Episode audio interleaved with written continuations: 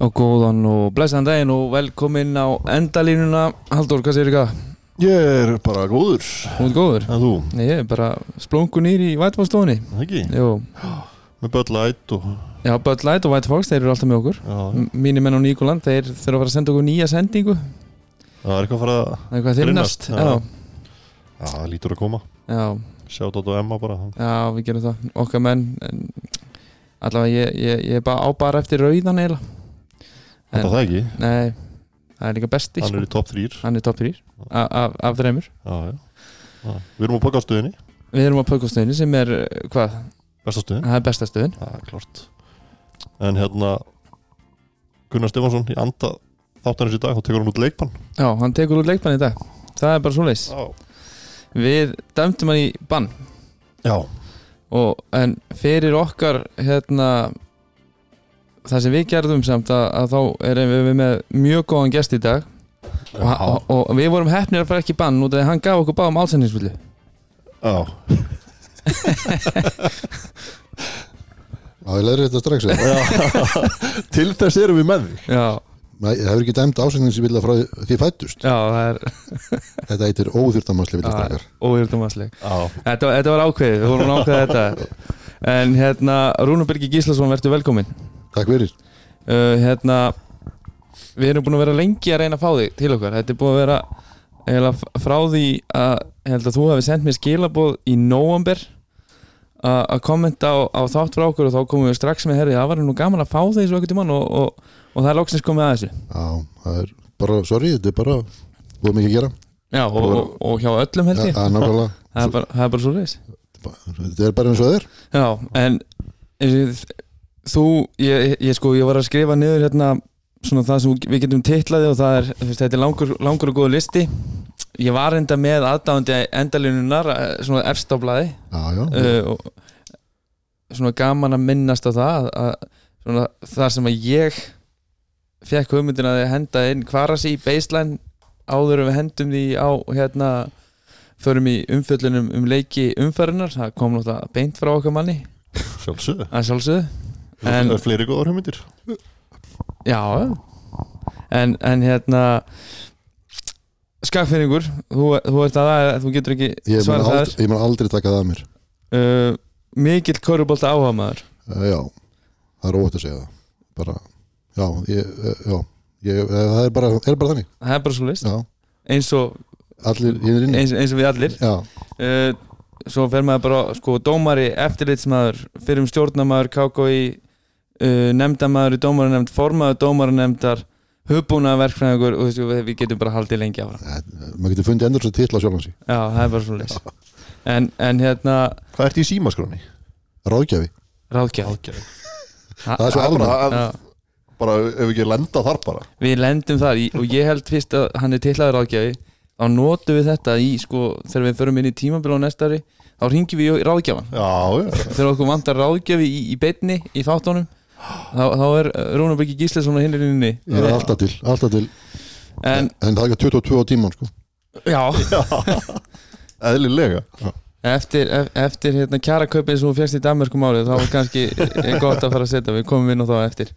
En kannski þú veist dómari og varst að dæma kannski þegar margir okkar hlustundur voru ekki mikið inn í korfbólta jafnvel margir okkar hlustundur ekki fættir uh, en þú ert eins og ég sagði mikill korfbólta áhuga maður og mikið búin að vera inn, innvinklaður í störf í korfknaldist hreyfingunni og, og hérna bara hafsjór af fróðleik nánast um korfbólta sem við höfum eftir að núna kannski að, að fræða svolítið um næsta klukkutíman eða svo.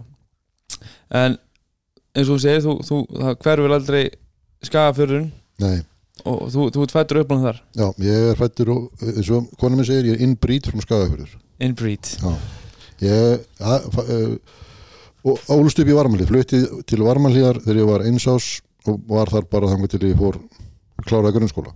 Og þar kynntist ég körubólta ég var að hugsa um það, af hverju vorum við körubólta það var ekkert íðurdós í Varmalíð en það var félag sem er í miðgarður sem flestir hafa nú kannski, kannski farið á sveitaballa en þannig spilaði við körubólta þurftum að henda upp körunum sjálfur alltaf fyrir æfingar bara rúlaðum fram og stillaðum upp og, en þannig hafa komið margir, margir góðir körfaldamenn og, og sko þegar ég er 13 ára þá fyrir tindastóll í fyrsta skipti upp í úrvastild og það var svona einhver áhugi að fara á leiki. Og ég man eftir að fara á leiki hjá þeim í fyrstildinni þegar að spila þá er grinda ekki fyrstild og Þóra Akkureri og, og fleiri, þeir fóru endur ekki upp það ár en ára eftir fara upp eftir úrstildleiku úja þannig að það er áhugi fyrir körfbalta í skagafyrði og, líklega við þess vegna verið að spila körfi í varmalið. Því að ekki var hægt að spila handbolt allavega og fókbolt að spila margir veitnar það var bara þannig.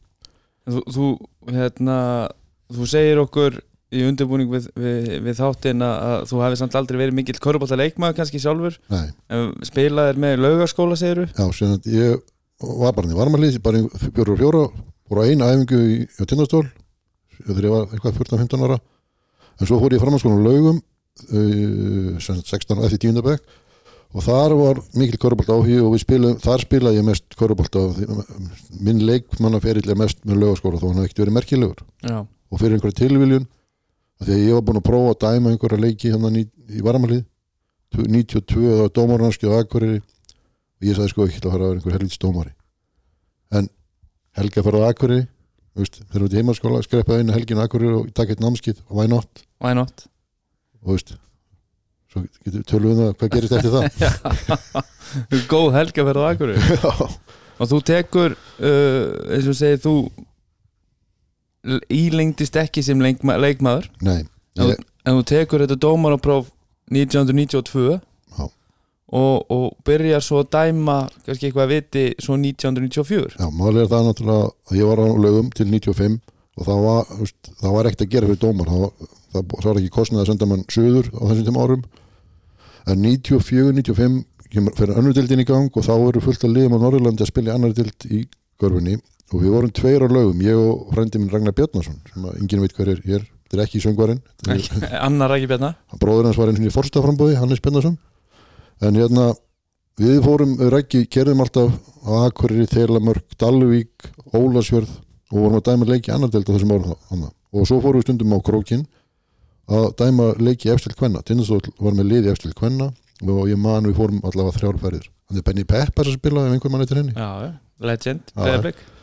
Þannig að þarna 94 svont, byrja ég raun að dæma og 94-95 dæmi ég slatta leikjumann fyrir norðan og svo flytt ég söður 95 og þá er ég á fullt að dæma. Og svo eftir þú byrjar að dæma þarna fullt fyrir sunnan uh, þá ertu að dæma hvað í bara fyrstu delt já, ma, já. Þetta er, uh, á þeim árum byrja, dæmdi maður í öllum deildunum nema efsteld kalla basically. Og ég var bara, fór á fullt í fyrsteldinu og næri deildunum og yngri lokunum dæmdi rosalega mikið. Held ég náð 130 leikjum eitt árið. Og sem að, veist, venjulegir menn að dæma 70-80 leiki sko í dag. Á framhaldsskólamót og alls konar. Ég var, alla, veist, ég var í háskólanum og hafði nógan tíma því ég nefndi ykkur í skóla. Þannig ég var að dæma kannski einn, einn í hátteginu og annan í kvöldin og, og átti engan bíl og veist, ég man alltaf ég var með smáran í júlíkamlokki þeir spila hálft hjá mánudöfum Tommy, Tommy Hermann skjötlaði mig alltaf heima eftir leik. Og hve- hvernig er að vera að dæma stóð þessu? Var, og fannstu strax þegar þú varst komin söður og byrjaði að dæma svona mikið að þetta var eitthvað sem að þú, veist myndi vera svona stór partur af þínu lífi bara inn í framtíðina? Mér- ég var svo sem aldrei velti fyrir mér. En þegar þú segir það, þetta er bara mér fannst það rosalega gaman og, og vera inn í þessum hóp, dómarhóp er rosalega gaman, þetta er mjög góður félagskapur og þessum árum var það náttúrulega miklu yngri menn en, er hópurinn í dag þetta er einu sami hópurinn og var fyrir, er ennþá sko. Já, en það voru náttúrulega 20 og eitthvað árum yngri sko. Þannig að þetta var mjög, mjög skemmtilegur hópur og mjög góður félagskapur og mér leiði vel aðna og fannst gaman að dæma og mér langaði að vera betri. Þannig að maður hefur bara sín markmið að hvað sem maður er, leikmenn vilja komast í betri lið og öðru deildir og akkurat sem dómari vildi maður vera betri. Og, og þitt markmið hefur þá þarna verið að, á endanum að, að fá að dæma í deltira bestu hérna á landi og, og, og fyrsti leikurinn kemur með svona, já, við getum sagt skringilegum aðstæðum. Já, var, ég var sem ekki komin í hóp uh, úrvalseldarhópin hann en Pétur Hafn, vinnu minn hann býði mér að fara á Ísafjörði fyrsta heimalega Ísfjörninga úrvalseld þeir voru að spila í tindastól og hérna, ég átti að fara eitthvað að hjálpa þeim bara með rítaraborðið eitthvað, Pétur var náttúrulega bara góðu gæi og alltaf velunum hann fyrir hitt og þetta. Og svo þegar við fyrir í loftið þá vantar annan dómar leiksins. Á þessum tíma eru tveir dómarar. Ekkert aðalsins sem vinnum minn, hann hefði mistað flýjunni ég ekki, man ekki alveg akkur en við lendum í Ísafjörði, það er engi GSM símar. Það er bara að fara í tíkalla símar og ringi Helga Bragason, formann dómarinn þetta bara hvað er að gera, það eru tveir menn í bóði sko Georg Andersen var, dómarinn. Þá hann Rúna Gíslason eða Björn Leðarsson og Helgi ákveði bara þú degur þar en þarna í tind, þú veist, þetta, er, þetta er sko KFI tindastóll. Tindastóll er þarna Lára Stofa Pálsson minn be- eld- elsti og besti vinnur Arna Kárásson, mjög góð vinnur minn Skarpín Ingason sem er- góð vinnur minn á þessum árum og og er alveg vinnur minn í dag. En veist, það voru bara menn sem ég þekkti mjög vel. það var bara mín kynnslóð á köruboltafinnum á króknum. Og ég var að dæma á þeim. Í, Ég í, í þínum fyrsta leik og ég sko, í einhverju rælinni er ég með skóna mína og flautuna en ég er bara í svo svörtum flauilspöksum og fæði svo gamlan aðindarspúning á Ísafri á haldur svimbi sinni. Mæti fyrir leikinn og þegar ég kemur rittaraborinu bendir rittarinn mér á og segir "Heyrðu, þú erum að opna bjóksneglu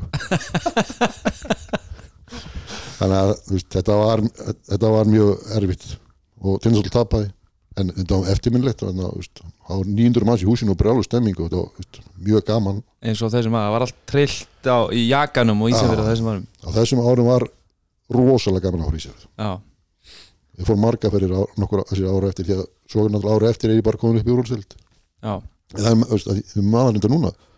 Simmi byrjaði eins og ég í úrvalstild einhverjum dómar sem mistaði leiki keflaðik hann mistaði hann ætti að fara. Það bara hringdi Simma Simmi bara brunna út í keflaðik og dæmi leikin þannig var það þessum árum en sem betur fyrir gerst þetta ekki í dag. Nei.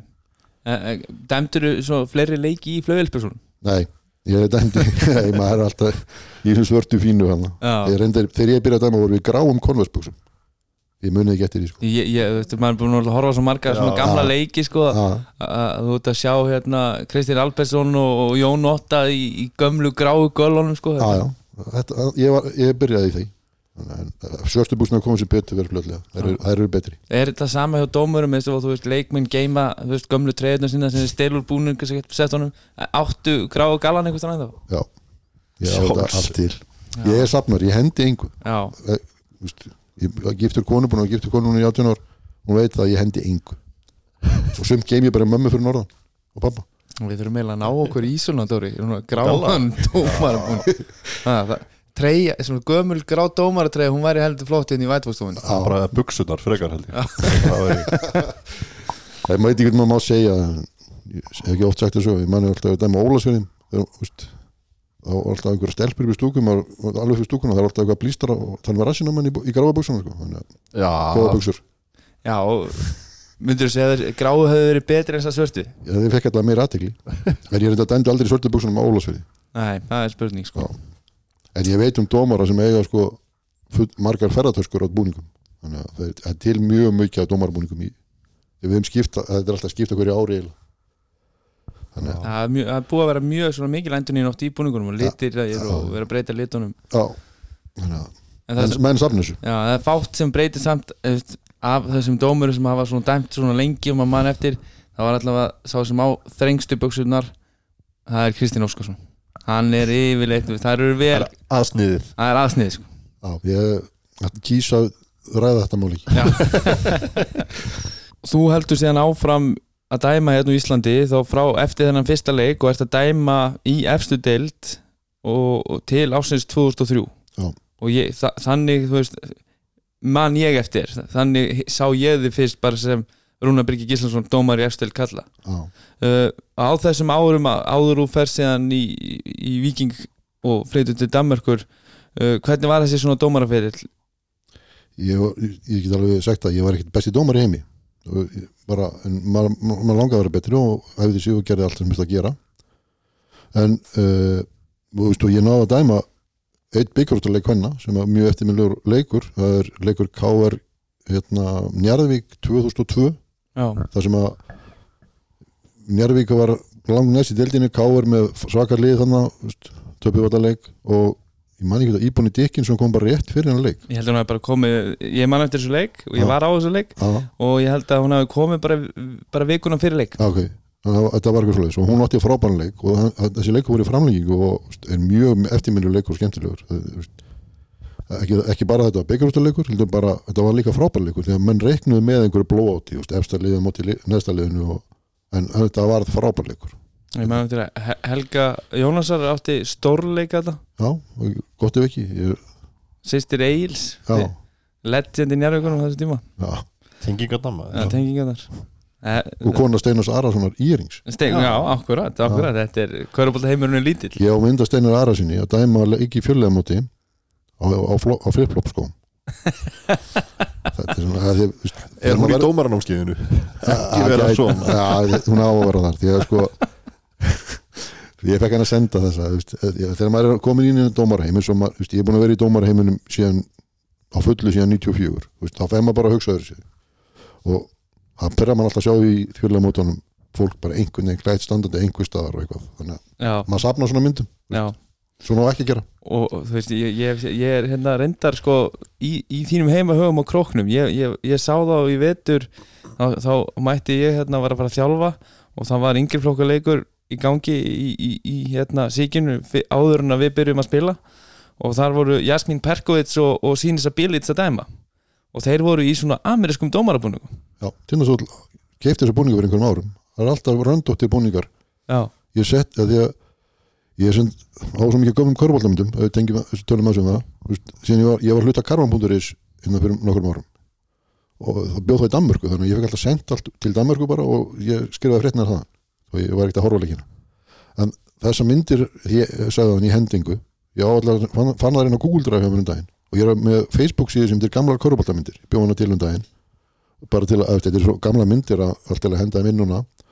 Og þar er einmitt ein mynd af tindastóls dómurum síðan 2000 og eitthvað, 10 cirka í þessu röndundu búningum. Þannig að þeir eru búin að eiga það lengi. Og þetta er enn, ennþá sömu, sömu treyðunar ég ætla ekki að lofa því en þetta er- Þetta er svona góð menning. Það mjög flott að félagi veist, hafi alla dómar eins klætt Já, þó þeir sé ekki í þessum venjulegu dómarbúningum en þeir sé allavega í einhverjum búning sem auðkjanna að þetta eru dómar ég hef verið að þjálfa og það er útlendingu að vera dæma veist, í hettupeysu með hettuna á sér sko. Stendur bara miðlinn og, og, og, og svo hann sér og, þú veist, svo valla flautarinn í flautinu Já, þetta er nefnilega að vera dómar er veist, þetta er ákveðin tækni. Já, en er ykkur svona aðrir á þessum eh, árum sem varst að dæma á Íslandi áður, áður og tegur pásu hér á Íslandi svona minnistæði leikir, minnistæði sögur?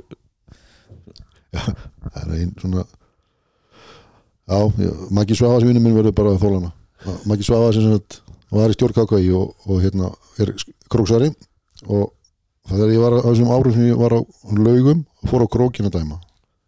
Það, þeir sem muna hvernig hús á króknu var þetta var bara svona síki það var bara börvöldavöllur og svo svali ringin í kringum. Og maður er alltaf eiginlega undir svölunum sem dómari og svo er ég, þannig að vera minni fyrir ég ferði eitthvað og og ég skildi bara ekkert í því hvað mér, just, ég bara fann mig enga veginn bara andlega út á túnni.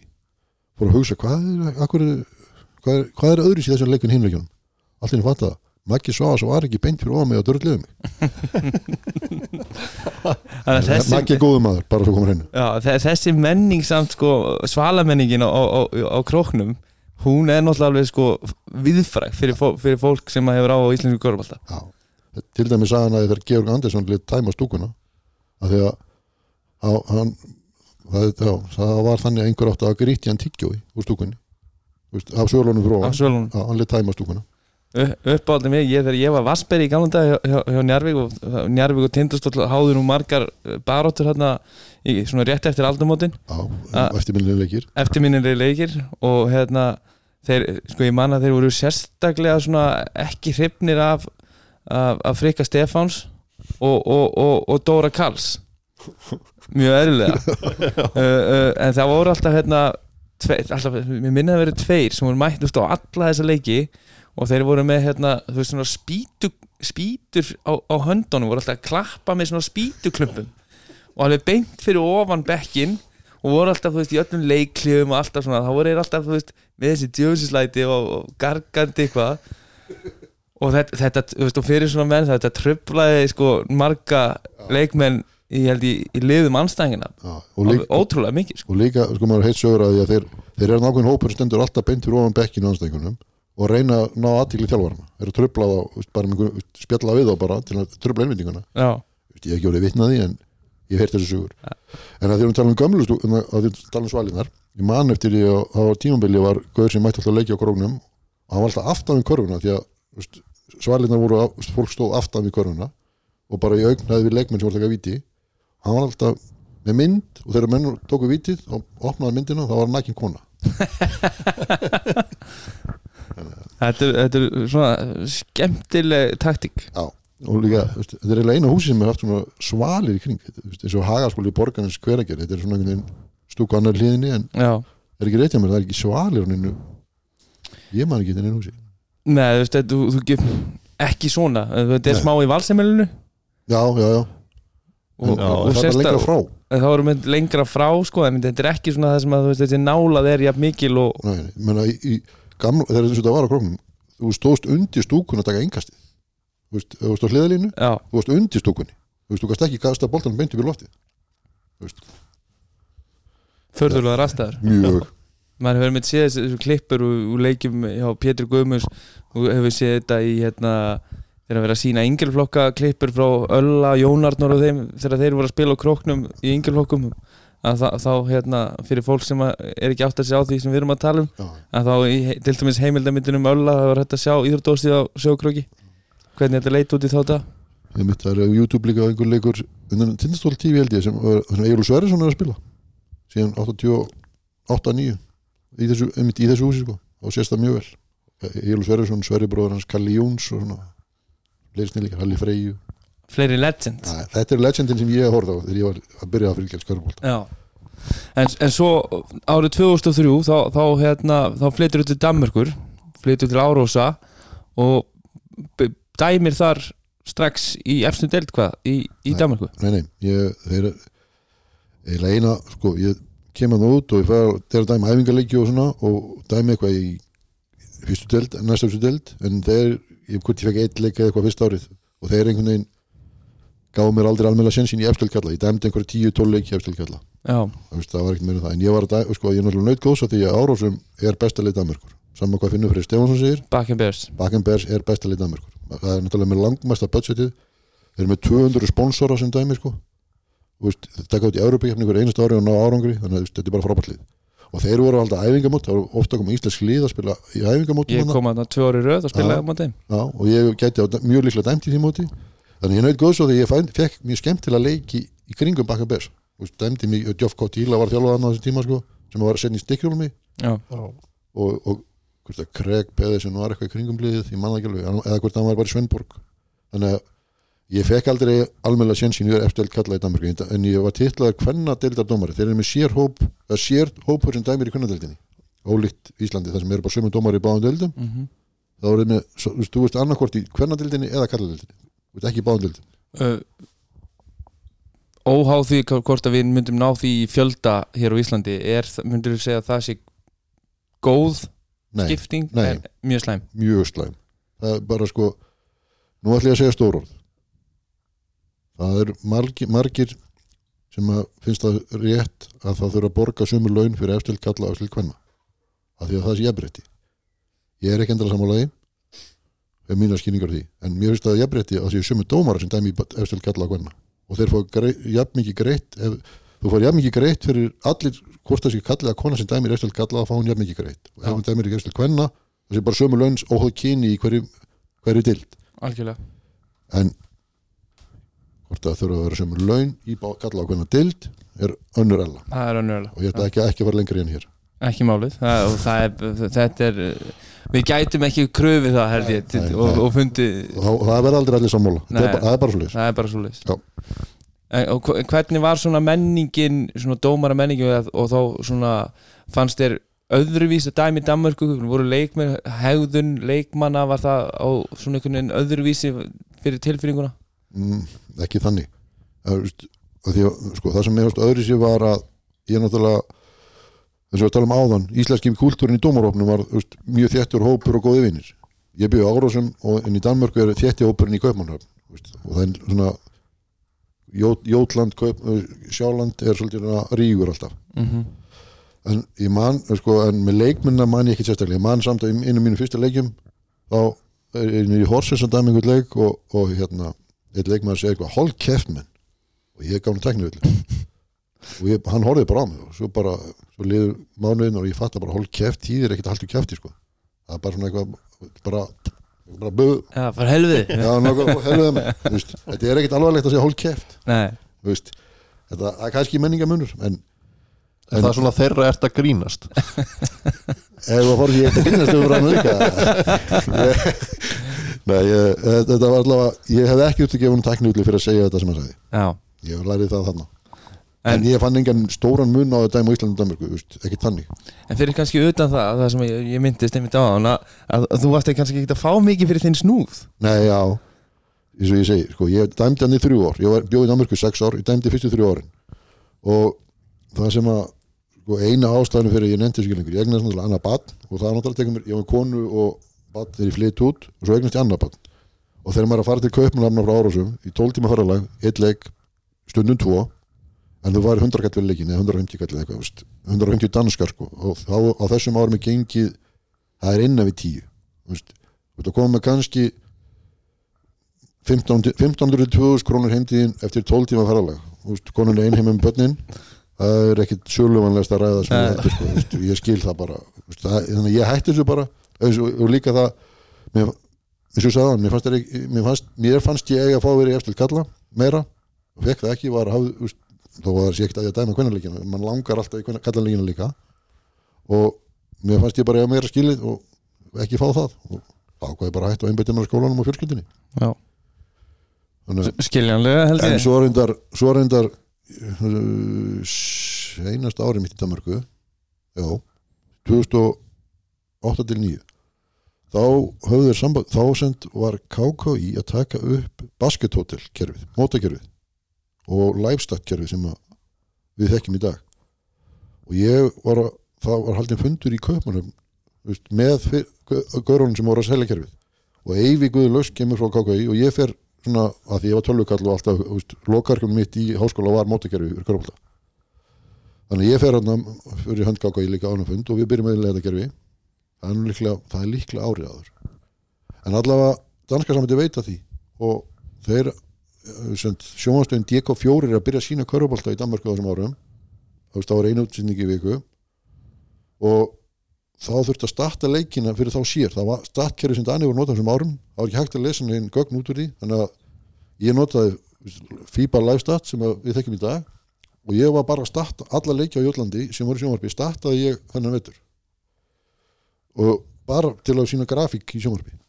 Og fekk fyrir það penning þannig að var miklu betur borgaldur en dæmaleikin. Þar fekk ég sko 600 danska konurleik og fekk að fara á rosalega marga leiki. Því að náttúrulega Bangin Bers var í úsleikemni Svenborg, sko, úslita, úslita einví var Bakken Svenborg og, Sven, og Svenborg er á fjóni og það, að fara það, telst með okkar megin sko. Þannig að það var sjöleika serja og hvort að Svenborg voru ekki sjöleiki í, se- í semifænals líka. Þannig að ég fekk alveg, við Horsens líklega, þannig að þetta er allt leikir, ég var bara alltaf á körfbóltalegjum að starta ógislega gaman. Þannig að það er mjög eftirminnileg tími að, En þetta mótakerfi sem þú- tala um sem lokaverkefni hvað, það kláraðist ekki. Við tókum basketdótil upp og ég þurfti ekki að nýja neitt kerfi. Já, þá, þá, þá reddaðist það og, og basketdótil sem heitir í dag eitthvað það heitir eitthvað annað í dag en sama kerfi, það, er- það er KKI sem tekur í notkunan á 2008-2009 eitthvað og er hann að nota og finnanir voru fyrsti til að taka notkun. Við vorum mikið samstöru við finna þá. Svo eru svíjar og danir og þetta kom út um allt í dag sko.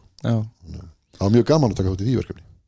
En svo, svo kemur þú heim hvað, 2008-2009 Níu, tvö- og orðið 2009 þegar allir voru að flytja til útlanda því að hrun eða svokallar hrun eins og sem ég segja. Og þá ferð þú heim á krókin já. Þa- þá fer ég heim, fekk vinna á króknum. Það hafði aldrei búið á króknum áður sko. Fyrir með konu og tvö börn á krókin veist, fyrir, fyrir krókin það var fullt af fólki á krókin það var stórt sko. Já, Maggi Svaðs reddaði mér þá. Þá er hún ekki verið að drulla yfir það nei, nei, nei, nei. Ja, menn, það, veist, ég, ég, við tökum aðeins meira punktin með drölla ég man alveg eftir leikjum í Keflavík þar sem að veist, það satt fólk í neðri stúkunni á einhverjum bennarleik tíu hræður og jakkafata glætt og það var svolítið hraunað yfir mann ég hugsa alltaf bara að það er betra að fólk var útráð sig að garga á mig heldur en gera eitthvað annað það var mitt mót á veist. ég heyrði þetta ekkert veist, það var einhver skítur að koma bara en það var bara, ná, ég heyrði ekkert hvað Maggi Svaðs var að segja sko. það var bara, ég var vanur að fá þess að guðsu Fá bara lætin sko. lætin, Já. það vantaði bara það er miklu skemmt, eins og við talum um Ísafjörða ég dæmdi í nýjundur manns fullt hús og brælu læti að dæma fyrir fullt hús af fólki einbeitingin er miklu meiri heldur en að dæma fyrir tíu ræður þannig að, Bara eins og fyrir leikmenn já, bara Já, Íslandi. já. þetta er bara, það er miklu öllra En er eitthvað svona hús þú veist, einmitt þú talar um neðristúkunni keflæk sem er náttúrulega viðfræði fyrir alla sem þú veist, þekkja kvöruboltan á þessu svæði. Þú veist, ljónagreifiðan er, er, er svipaða staðar þar sem að þar eru, þar eru nokkri sérfræðingar sem eru ófæmni við að láta stóra úr falla. Já, já, uh, ég held að Kall fæði minn hann, hann, hann átti nú að hann tó- tók nú alltaf sömuluna fegstu skirtin í kókafélspakar ég man svo ekkert inn að sögur úr Njarvík þannig, ég man að á akkurir tíumbili var, var eitthvað fullt af hundleðilega fólk í stökunni en það er engin önnu húsi í mann sérstaklega Nei, þetta var bara akkurir svipa. Eða fólk á að koma og hvetja liðsitt og og gaman. Veist, og þess vegna er miklu betra sér fleiri þá heyrir ekki dröllina sem kemur ef, Já. ef það er eitthvað persónulegt. Þannig að eins og ég segi veist, það er alltaf lægi að vera ósamála persónulega svífinningar eru leðilegar En, en telur veist, út frá þessu og ég hef oft pælt í þessu eru þarftu að vera svolítið svona ákveðin karakter til þess að geta verið og dæma þú veist á svona á hærra levelinu út af því að það, það, er náttúrulega alltaf mi- miklu meiri læti, það er meiri gaggrinni og veist, meiri að vera að drulla yfir menn hæri vinstri, Já, og persónulegar þú veist oft, þú ert á að gríðilegt sjálfströst það, það er eiginlega það sem er mikilvægast að mínum að Já. og, og hafa hæfileika til að bara eins og við vorum einhvern veginn á einhverjum námskeiði dómarar þegar ég var að að dæma og kemur Einar Gylfi Jónsson sálfræðingur hann hafði hennar þitt flugfreyju þetta er rúglega dæmis að sko. Og hún á flugfreyja sem að var þjónustu einhvern mann og maðurinn drullaði yfir alla leiðina. Veist, hann var blindfullur og leiðilur og alltaf brosti konan og bara þjónustaði. Og spurði hann bara hvernig fer það þessu? Hún sagði blessa verti það er bara, þetta fyrir bara í þvoti. Já. Veist, þetta er bara svona svipað maður má ekki láta ná inn, í, inn að beini veist, veist, og, það, og til þess að geta gert það þarf það að vera sterkur veist, sjálf, hafa mikið sjálfströst og það kemur kannski að öðru, þá finnst mönnum dómar sem það vera hrókavillir, að þeir eru bara að hafa mikið sjálfströst og þurfa, þeir þurfa náttúrulega að byrgja sér ákveðið til þess að já. láta, ekki- ná tökum á sér því sem er, er að hlusta á. En svo, einmitt, svo, svo kemur reynslan og menn fara að læra inn á þetta svo, ég held að við höfum talað um það í vetur eftir leik í ír á móti Njarvík í Ljónagrifinni það sem að hérna, okkar maður Sigurður Þorstinsson uh, var, var hérna veist, og þeir eru svona með eitthvað svona kymni þannig sko en, en svona skoti áttu dómarunum og, og Kitty Óskar snýst sér bara við og hlærð og, og, og, þú veist, og bara jankaði við honum og þú veist, þeir áttu bara samskipti sko. Já, já, þetta er, úst, þetta er tækni og respekt og, og reynsla það, úst, hvernig áttu að gripa inn í hvernig ekki. Og, uh, tölum að þessum þessar reynslu. Það er náttúrulega er rosalega mikið reynslu miklu dómur á Íslandi um að tökum þann búnd aðeins núna. En fólk þarf að átta sig líka á því að einu sinni voru þeir ekki reynslu miklir já, og þeir þurftu einhvern veginn að ná upp respektin sem þeir hafa og ná sér í reynslu. Og það kemur að því að þessi menn hætta því þeir verða gamlir. Þeir sem eru ungir þeir þurfa að fá andrými til þess að að þroskast. að þroskast. Já, mann ekki að gleyma því, mér finnst það mikilvæg punktur algjörlega. Fólk hefur búið að vilja að fá bara sem á geta í tíu ár en það er gett endalust Nei, þú- og fyrir ekki allir hinn sem ég nefndi ekki, ég tók ekki bara sem á geta já, það er einhver, ég fæ einhver SMS og eftir bara fyrir fílu. Já, þú veist, þetta er náttúrulega bara algjörlega þú veist, að fyrir þessu ungu dómara við höfum verið að tala um tvíbarn og þóllásöfn og þú veist, þú varst með Dabba T sem að, þú veist, var ungu dómari líka og kemur inn ungur inn í dómgæsluna og fleiri strákar uh, þeir þurfa náttúrulega að fá tækifæri í stóruleikjunum til þess að venja stóruleikjunum þú, þú veist, þegar þið var að koma inn þá fengum við fyrst eina mínútu og svo fimm mínútur og svo tíu mínútur. Dómari fær bara 40 mínútur og ekkert minnað meira þú þú er bara settur og þú verður bara Já, þú fær ekki að prófa bara smá og smá eins og leikmyndingar og það bara þú, veist, þú lendur í því að gera mistök.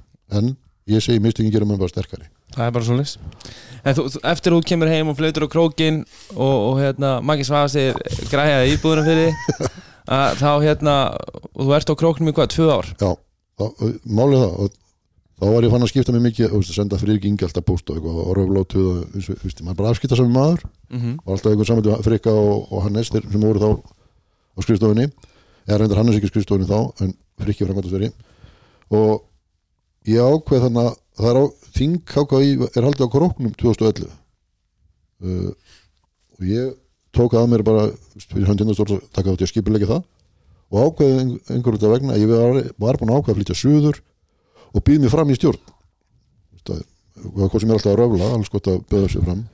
Og hérna menn segja reyndar ég hef keift mín þegar ég stóð til dæmis þegar matur þá, þá hérna stóð ég held í glösinu öllum og Haldur Haldursson formar króknum í mörg ár, hann var þingforseti og hann tilkynnti í lok fyrir dagsins að það var í ball í Íþjóðdósinu og ég byði öllum á ball það, það var bara þannig að það fengi allir á þinginu frýtt sko, það var ekki ég sem var að bjóða en Haldur kynnti allt þannig. Þannig að ég kom sín í stjórn 2011 og, um leið og ég er að flytja suður. Alveg kostningaborða Já, Haldur Haldursson er toppmaður þú veist, ef hann með sér liði, það klikkar aldrei. Nei, já, ég, ég þekkja þekkja ágæðlega, þekki sonans Haldur Haldursson yngri. Þetta eru miklu meistarar. Og samkjöfni það er leikar Hugi Haldursson, svona þess líka. Já, og Fantasy Gandalf. Já, en, Þú, og þarna ertu búin að vera í domgjöslinu samt áfram á Íslandi eftir þú kemur heim? Nei, sko, ég held ég hef dæmt eitt leik á króknum eða tvo eða eitthvað, bara svona á eitthvað byggarleikur í yngri lokum sem að nýjunda flokki, Já, Tindastóll, Grindavík það sem að Pétur Rúnar Birgisson var og Viðar hafa líklega verið aðalmenninir í Tindastól og ég man að Jón Axel var í ja, minn, jú, Jón Axel var í Grindavík. Og það- var einhver byggarleikur þarna sem ég dæmdi með Sigurbaldur í vinnu mínum það var þér að kenna að grinda ekki tapaði. Grindavík tapaði, já, það, þér, þér, þín sög eða ekki það, einhverja fannst það en ekki mér. Nei, En svo, svo þegar ég kom suður 2011 þá var ég konið stjórnkakau og fer fljótlegin í dómarnefnd og verð svo formað dómarnefndar held ég árið sinna og þá fór ég svona veist, ég var náttúrulega ekki nógu formi til að vera alveg dómari en dæ- dæmdi eitthvað neðri til dæmdi svona 20-30 leiki hann í tvö ár held ég 20-30 ári í tvö ár líklega. Og held að einn síðasti leikur sem ég dæmdi hafi verið undanúrsta leikur Snæfell Valur í efstil Kvenna uh, í undanúrsta já, send, 2012 líklega. Snæfell var svo mistari eftir þetta. Málega það að ég var eftirlismar leiknum en Sigmundur Már Herbertsson meittist þannig að ég var með töskunum með mér í hólmunum og komst í búningin og dæmdi hann á 33 mínútur á leiknum. Og tel mjög að staði við mögulega sko, allar hvart engin Þetta voru 2013 er það 2013? Ég hugsa það, já. Á ok, það geti verið. Ég, jú, ég, 2011, 12, 12 jú, það passar jú, þetta er setna árið sem ég dæmdi eitthvað. Já, og það er síðasti leikurinn? Ég held að hluti að vera síðusti leikun sem ég dæmdi. Já. Allavega senast sem mann eftir Og er það svoleiðis á dómurum að, þetta er eins og að tala við með, með, með körfuboltamenn þeir setja skónu upp í hilluna Fólk, er, er flautan upp í hillu í, í Mosó? já, hún er upp á hillu hlýðan borðinu mínu Það var svoleiðis en er, er það líka eins og með köruboltamennin að þegar þú ert að horfa á úslakefnina þá kýtlaði að fara að dæma eða?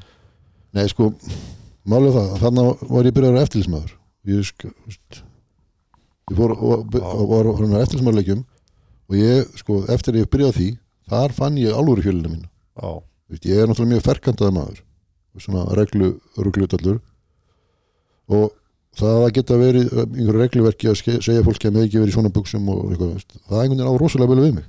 Mér, Þannig, þannig, að, þannig að þú ert ástæðan fyrir að ég mátti ekki vera í, í, í svörtum ból undir búninum og, og, og hvítum undirbuxum undir, undir ég, stöfnum ég er ekki ástæðan. Það er, reglu, það er regluverkið en ég er maður sem geta framfyllt í Já, það er mitt hlutverk, ég er með regluverk frá FIBA og ég sé maður framfylgja því en tókst einhvern veginn á jógnar línuna svona joggingalar ég er ekki töff.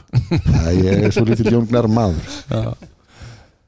En þetta, og þú, og þú, og þú í dag ertu ennþá að- að að starfa sem eftirlismæður og, og tekur FIBA réttindi hvað 2017 já, og, og, og þú varst náttúrulega komin í það þarna, þú veist, á þessum árum bara 2012-13 farin að vera eftirlismæður Já. uh, og fyrir kannski fólk sem að kannski átta sig ekki á því alveg einmitt hvað eftirlismæðurinn er að gera já það er mjög eðlileg spurning það skilur engi akkur einhver maður í jakkafötum að sitja á borðinu og hvað er hann að gera? Hlutverk eftirlismanns er basically að hugsa um að umgjör leiksins fylgi þeim reglum sem settar eru af FIBA eða samband eða því, því, þeim sem skipilegja mótið. Mm -hmm. KKI leikur eftir leikreglum FIBA það eru leikreglur og svo er til sko reglugerðir um umgjörðleikja og það, það er eftirlis mannsins að framfylgja umgjörð, umgjörðinni.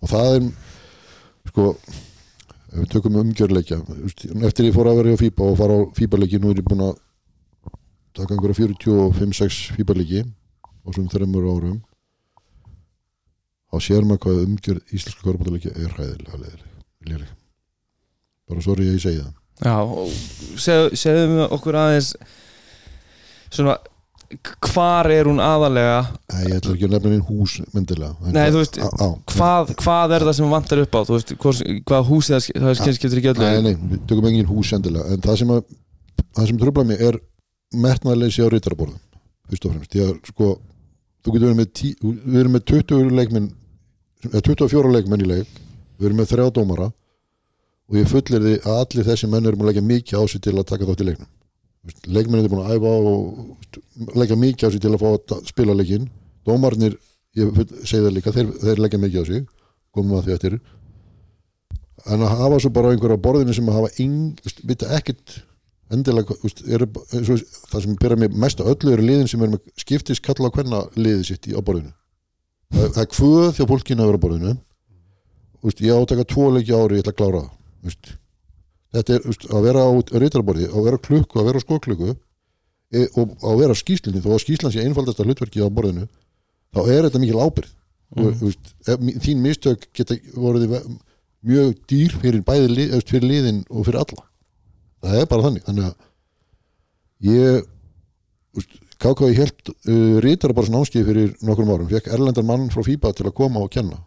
Og þegar hann sá hversu margir mættu þá bara horfði hann bara, er að djóka það var enginn að mæta og vandamáli er náttúrulega það að það er alltaf nýtt og nýtt fólk það eru, sum, það eru alveg hús ég, ég ætla að taka eitt hús sem dæmi sem eru frábært rítarborð, það er borgarnis þar eru allir rítar, allir sem starfa á rítarborðinu á, borgarnisi þeir eru með, þeir eru með vottun og fýpa um, það er meður rítarborði Væri engin leið að setja einhverja reglur um þetta?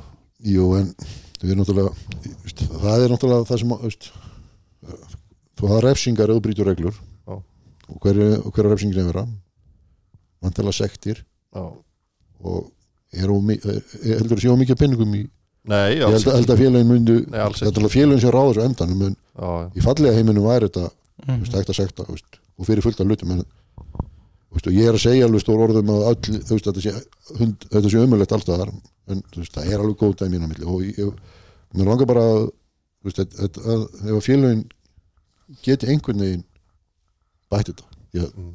að þetta er veist, þetta er ekkert minna mikilvægt heldur en að vera að þetta er hluti af official krúinu officials í fýbaskilningunni eru dómar og rittarabort Já, þú veist, þú það- sama hver og ferði í, í yngri landsliðum og öll, Já. öllum þessum fíba mótum út um allan heim og veist, út um alla Evrópu sem að, veist, ég hef allavega komið sér tengsli við að, þú veist það er ekkit börn á reytarafóru Nei. það er ekkit verið að fá krakka úr skólanum við hliðina til að græja þennan leik. Nei, ég meina, ok, ég farið til einhverju nokkur, farið fýbalegi við það ég hef sagt um þetta í Fraklandi ég mætti í Fraklands í leik, hvenna leik þegar leikurinn byrjaði ég satt bara og horfði bara, hvað er að gerast hérna? Þá sko tímaverðurinn, hún bara ábyrð á, á hérna leikljónum hvert eina skipti sem var skoru karfa þá leit hún á þjálfara liðsin sem var skora hjá. Því að hann átti möguleika á leikli. Mm -hmm. og það var skorað sko, til vinstri frá okkur en, þjál, en þjálfarinn var hægra megin og hún leiti alltaf til hægri. Og ég bara, akkur er hún alltaf að horfa til hægri þegar boltinn er hann í vinstara megin? Ég fatt þetta ekki sko. Svo allt í henni bara já, hún er bara að hugsa um það hennar hlutur ekki bara, ef það kemur leikli þá er ég tilbúin. Þetta, veist, ok, ég veit í Fraklandi fá reytarar borgað og það er munur. En ég hef líka verið í Svíþjóð þar sem enginn fær borgað fyrir á reytarborði það er bara hópur af fólki sem er bara metnað fyrir að gera þetta vel og bara að gera það fyrir sín klúb að hugsa um reytarborði þannig að ef við kemum þessu kúltúr á Íslandi væri það frábært. Þetta er bara áskorun á, á, á félögin. Já, menn í borgarnis er hópur sem hugsa um að gera þetta vel.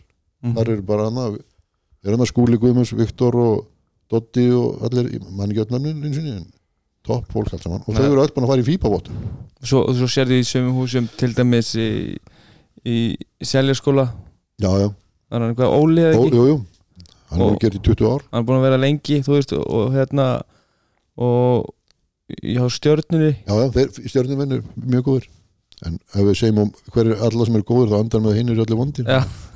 þetta er það er mörglið sem að geta tekið til sín að gera þetta. Já, það sem, eins og ég segi, það sem að ég finn mest, það sem að minnsti metnaðin er að mínum að er það sem að liðin er að skiptast á kalla hvernig lið, því að þar er bara fólk að þessu kvöð, það þarf að vera því maður langar, ekki því ég þarf. Já, það er svona mín skoðun. Það er bara svo leys Já, en, ég, ég, man, ég man að sko það, KKI var með eftirlitsmannakerfi uh, eða svona einmitt sem sem að tók út umgjör leiks uh, fyrir uh, mörgum árum síðan bara þegar ég var uh, lítill sko. Og þá, þá var hann bara alltaf upp í stúku og þá var hann að pæla einmitt í þú veist, er tónlist var, var, var, voru liðin kynnt og svoleiðis. Já. Er, er það eitthvað líka sem að þú ert að taka Já. inn í hjá þér? Já, það er alveg, ég er með langa lista yfir aðrið sem ég er að skoða veist, að, að, þú veist, hvort að í fíbaleikjum þá er það hvort að séu allar uh, línur hornar af vellinum, það er náttúrulega ekki á Íslandi mm -hmm. það með að bara korfbalta línur uh, það er hvort að korfunar eru veist, í lagi hvort að það séu varamannabekkir fyrir 12 manns, hvort að það séu 2 metrar út af auðlýsinskiltum sem er náttúrulega ekki í öllum húsum á Íslandi í fíbaleikjum er ég að, að, að skoða vegabrif allar leikmanna, hvort það séu löglegir. Það er eitt system sem mætti koma á Íslandi, það var eitthvað svona uh, leifiskerfi Vist, finna bolta. Já, um eitt kynning hvenær á kynningin að byrja úst, láta þjálfarinn að vita úst, ég, ég ger það inn á Íslandi ég er alltaf í samskipti líka við stöð, ef að sjónvarp bara, úst, ég synga mig við þá líka þeir viti hvað er að gerast Þetta er svona það sem- þetta já, er langur listi. Þetta er langur listi. Já, ég man ekki öll allir í núna ég er búin að tvekja manna á pásu. Já, ég reyndar var út í sko, ég, ég var í eftirliti í ein síðasta kvöldi sem að voru spilað fíbarleikir í veitur ég var í Lettlandi hvernig var, hvernig var öllu lokað? Já miður mars eða ekki? Já, allavega, allu, fíb, David Thomas var komin til Belgíu á þetta með 50 degi ég var í Lettlandi og leik á miðvikudegi David Thomas tók ekki leikið sinn, hann fór bara heim áttur Það var bara heim, já. Hann var svett, Það voru öllu kansilað þetta er undunum mánamótin hann fekk ekki 150 krónunda sínar.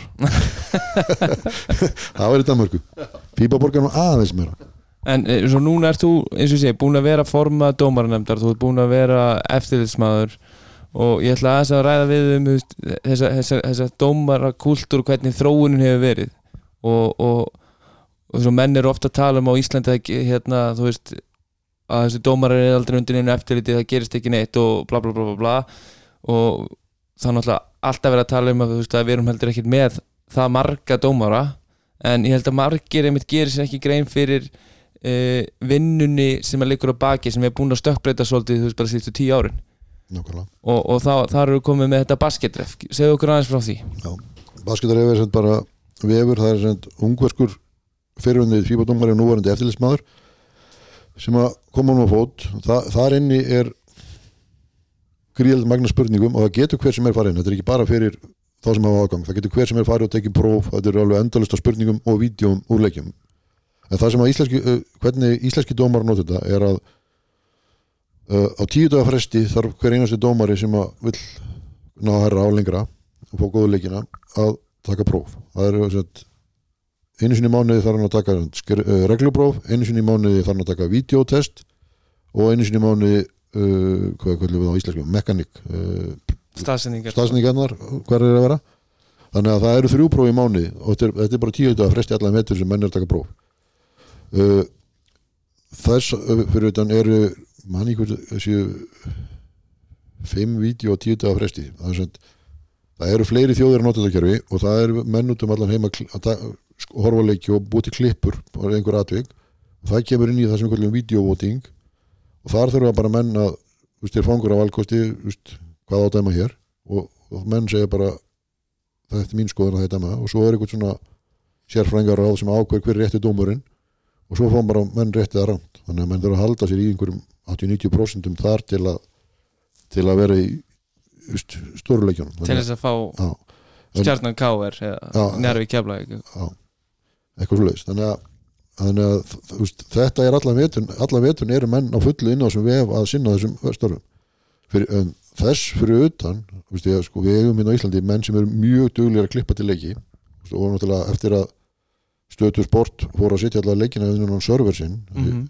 eins og eins og við tölum um í uh, hérna, þar sést þetta með Körubaltakvöldsmönnum og ég sagði mitt mín tilfinning að þetta er búið að stökkbreyta vídeo undirbúning þjálfara. Ja. Og það sama hjá dómurum? Algjörlega, að hafa aðgang á öllu leikjum bara strax eftir leik, menn geta hort, menn horfa á leikina sína eftir. Það er einhverjir sem að taka sér til og klippa út í klippur. Það er settar inn á hana basketaref og menn geta farið og skoða klippunar og diskutera og það er bara þannig að dómar þú nefndir að það er ekki mikil sko uh, end, uh, hvað við það?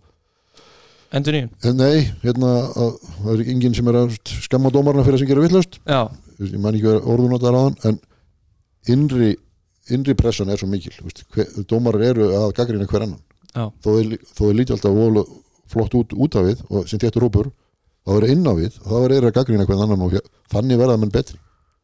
Það er samkeppni innan hópsins sem, að, sem að pressar menn áfram. Sem er einmitt sko kannski akkurat öfugt við það sem að margir halda og þeir segja alltaf að dómöldum stondu bara alltaf saman og maður, veist, ég hef hérta þessa línu marg, marg, marg oft. Já.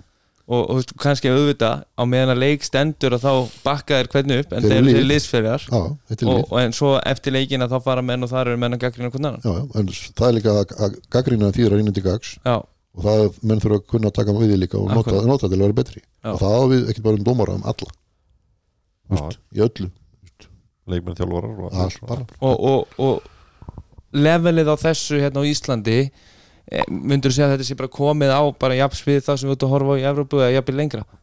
Þú veist, á, á þessari svona vinnu svona bakvið vinnu í, í, í dómara kultúrnum? Nei, ég ætla ekki sem að sé komin það lega vel því að hún er öll unnin í sjálfbáðinu hér. Já, í til dæmis í fíbaleikjum sem ég er þar er alltaf einhver maður sem að fær það hlutverk að horfa á leikin og senda dómarunum klippur og hann fær borga fyrir það Vist? En á Íslandi Íslandi fær engin greitt fyrir þetta en menn eru bara að gera þetta eigin áhuga. Já. og það er gríðarlegur áhuga í hópnum að búi til klippur og diskutera hluti. En hve- hvernig er þetta í, í, í þessum svona okkar nágrann þjóðum með Norðurdunum er, er, eru þar menn að fá, fá greitt fyrir þessa auka vinnu eða er Þa- þetta þekki það ekki. Einn sko jú líklega í Svíþjóð fá menn eitthvað borga fyrir þetta og Finnlandi en ég er ekki viss með Dan og öruglega ekki Nóri nei, ekki séns þar, ekki séns í Núri sorry. Hún að syngja normenn að hlusta. Við, held, við, séum, við erum ekki drosa stóri í Nóri við erum, við, erum, alveg held ég fínir í Danmörku. Já, en, en, en, Nossarinn hann er ekki komin á endalinu vagnin stór kaupmann svæðið er stert Já, mjög stær, sjálandi sko. það er, þar erum við mjög góður en, en allt þetta sko, svo, þetta er náttúrulega veist, þessi dómara stjætt sem að, sem að hérna, og, og fyrir þá sem eru náttúrulega kannski það sem ég kalla körubólda fjölskyldin dag og ég ætla bara að giska á þessu markkópurinn okkar og, og, og þeir sem hlusta mest á okkur að, að þeir þekkja, það er náttúrulega bara ákveðins bara svona dómara celebrity fyrir þeim. Það er bara gæðin sem eru búin að dæma frá því að þau munu eftir sér. Og, og það, þá komum við kannski og, og við færum okkur svo inn í svona tölfræðumræðu umræðu að þú átt alveg ótrúlegt magn af skemmtileg, skemmtilegri tölfræði í, í tengslu við íslenskan körubólta og, og eitt af því sem þú hefur verið að skoða var aldur uh, dómara. Já, eins og ég sagði ykkur ég, þetta úst, sumir fara bara úst, veða fisk og þeir fara að skjóta eitthvað dýr og eitthvað og fara í golf eða eitthvað, ég fer og grúska í tölfræði, það er bara, það er bara mitt áfamál konan prjónar, ég vefa, Já, ég set eitthvað inn á vefin og eitt af þessum við segir ég, ég er náttúrulega uh, ég lengi mér stúdera hérna dómaratölfræði, bara því að ég var sjálfur í dómarhópnum, þá fannst mér bara áhugaverð og var hvergi til. Og eitt af því sem ég er búin að skoða er aldur dómara og, og sko kynnslóðir og það sem ég sá að því að sko málið er það að hópurinn sem er fættur 1968 til 72 ég, ég ákvað að setja hann saman þetta er svona 5 ára bíl þetta eru, þessi dómar eru 20% hafa dæmt 20% af öllu leikinu dæmdir hafa verið úrvæslega kalla frá upphafi. Úrvæslega kalla byrjar 1978 mm frá 78 til 2020 hafa, hafa þessi dómara sem fættir 68 til 72 dæmt 20% af öllu leikinum sem er tölvöld mikið að mínum að þeir eru sko 10 ára þeir eru elstu þegar deildin byrjar. En það er sko málið er það að ef maður, að til, ég setti, upp í Súlrít og, og hérna það er erfitt að sína það í podcasti en það sést á því í Súlríti hvað þessi kynslu er risa stóri í sögunni.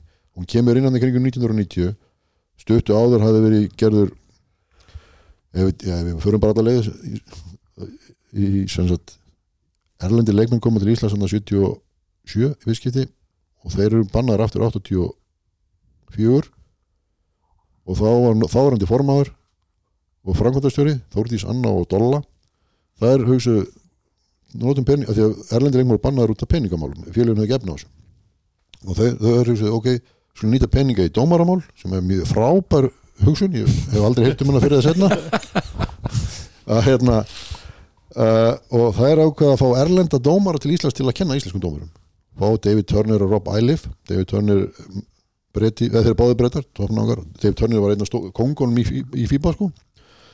og þá upp úr þessu var að menna taka þregpróf og alls konar það voru svona meiri metnar innan domgæslunar og þá kom, það, á þessum tíma er þeir að koma inn þessi gauðra sem er fættið 68 til 72 þannig eru Leifu Garðars, Jón Bender Kitty Óskars uh, Einar Skarpíðinsson svo stuttur setna Björgur Rúnarsson, Einar Einarsson. Þetta er, er, þetta er þeir sem eru á þessu, þessu bíli Simmi kemur svo setna, hann er líka inn í þessum aldursflokki sko. en svo eru mennið svo Kristján Albertsson og Helgi Bragason aðeins eldri og Rökkvaldur Heiðarsson hann er eldri líka. En þessi menn, og þessi kynslu sem kemur hann inn í kringum 1990 og er á fullu þar, hún er náttúrulega búin að vera rosalega dedikeruð í körfald, í þessum domgæslu og á rosalega stóran þáttið í öllu sem hefur gerst í íslenski domgæslu bara síðustu 30 árum Já, Já. þetta eru menninni sem hafa stýrt þróun á íslensku domgæslu frá, frá þessum menna, þegar þeir eru að byrja þá er ekki tekinn þrjagpróf sem dæmi Vist, það er enga kröfur á dómarna um, að- um að vera neitt í líkanlega standi til dæma. En þeir bara gjör bilt þessu. Vist, þessi kynnslóð er, er það maður, ok, ekki bara 68 til 72 það eru líka menn sem er aðeins eins og Kristján Albertsson, Helgi Bragason og þeir, þeir eru ég alveg þátt í því.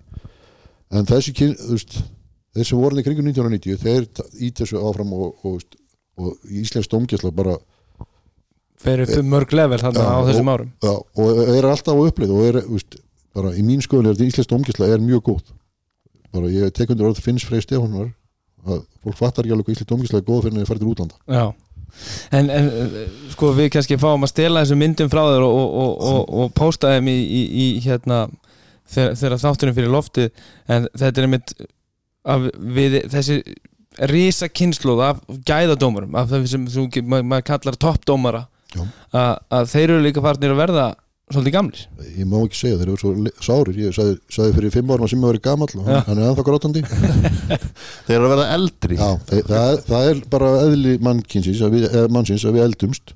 Það er bara, við ráðum ekki við það. Og þeir eru náttúrulega komnir í kringum 50 að, að flestir þessi menn eru 70, ef við fættum 72 ára 48 ára, ok. Og þeir eru náttúrulega búin að og ég dæma 20% af þessu leikjum. En, og það sem ég er að mann ekki hvað ég sagði það einu sinni voru þessi menn kjúklingar mm -hmm. og þeir þurftu að gera og þeir voru, þeir voru ekki jafn góður í dag, það er bara líkur hlutanast eðli. Og þeir þurfu að hérna, það kemur að því að þeir hætta. Það er er ekkit langt, sumir þeirra eru hættir þessum, sem ég hef nefnt eða bara á fyrirlin búin og það stýttist í hjá öllum hinnum líka. Og það sem að trubla mig stundum í umræðinu er að fólk er alltaf, þegar ég var formað á dómarnefndar það bara, fólk vildi alltaf fá simma. Það bara, simmi var bestur og bara simma kitti í alla leiki. En hérna veist, það var ekki endur nýjum nákvæmlega.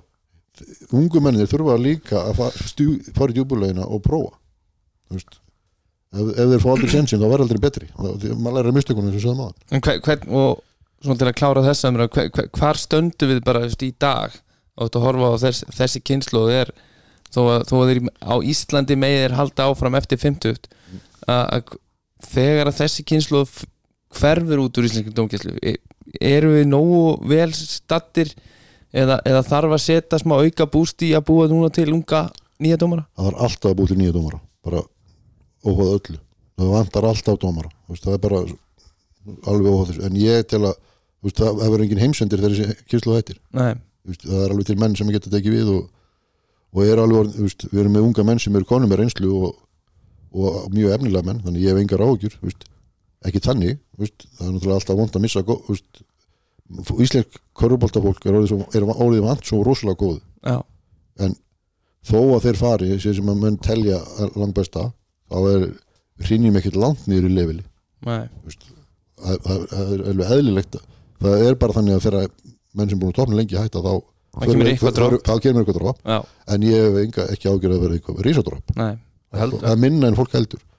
Því að svo ég, þetta er kannski bara eins og með hérna, ég nota þess að sögu oft í vinninni þetta er allir í hjónuna með Facebook, þeir skiptum útlut á Facebook alltaf áspresti og maður ætla alltaf að fá síðasta Facebook. Já, það er alltaf allir brjólar þeir vil ekkert sko, við höfum Facebook 1 svo kom Facebook 2 og þá vil allir Facebook 1 já, svo fá Facebook 3 þá vill ekki eitt, það vill tvö. Við Já. ég hef engar ágjör að level í dómkjæslu fara eitthvað langt niður. Það, veist, við höfum fullt af mjög fínum dómurum. Já, Heldur að hérna eins og að vera með þryggja dómar kerfi Heldur það hjálpi ungum dómurum í dag? Já, já. það er miklu auðvöldar að koma inn sem en að vera, vera bara helmingur og, en, en menn með að samt passa sig þessum ungi maðurinn í þryggjardomarkerfi að sigla bara ekki með. Þú, er, þú verður að þetta eru skilabóð til ungra dómara. Það er ekki nóg að veist, fá bara fljóta með sem á kitt alltaf sko, hlaupa bara með og brosa. Það voru að nýta þetta. Að læra að þeim og taka stóru flötin þóra að dæma Þú veist, það er ekkert mál að hlaupa bara með og gera ekki neitt. Já, akkurat. Það er að passa því. En ég myndi í þessari tölfræði og, og, og, og þú talar um og, veist, að, hérna, einmitt, það sem Finnur segir uh, að menn fatta hvað íslenski dómar eru góðir þegar þeir fara til útlanda. Og, þú ön, ein, ön, ein önnur tölfræði sem að, hérna, við rættum nú saman um í vetur og, og við vorum að ég fekk aðeins að grúskiði hjá þér.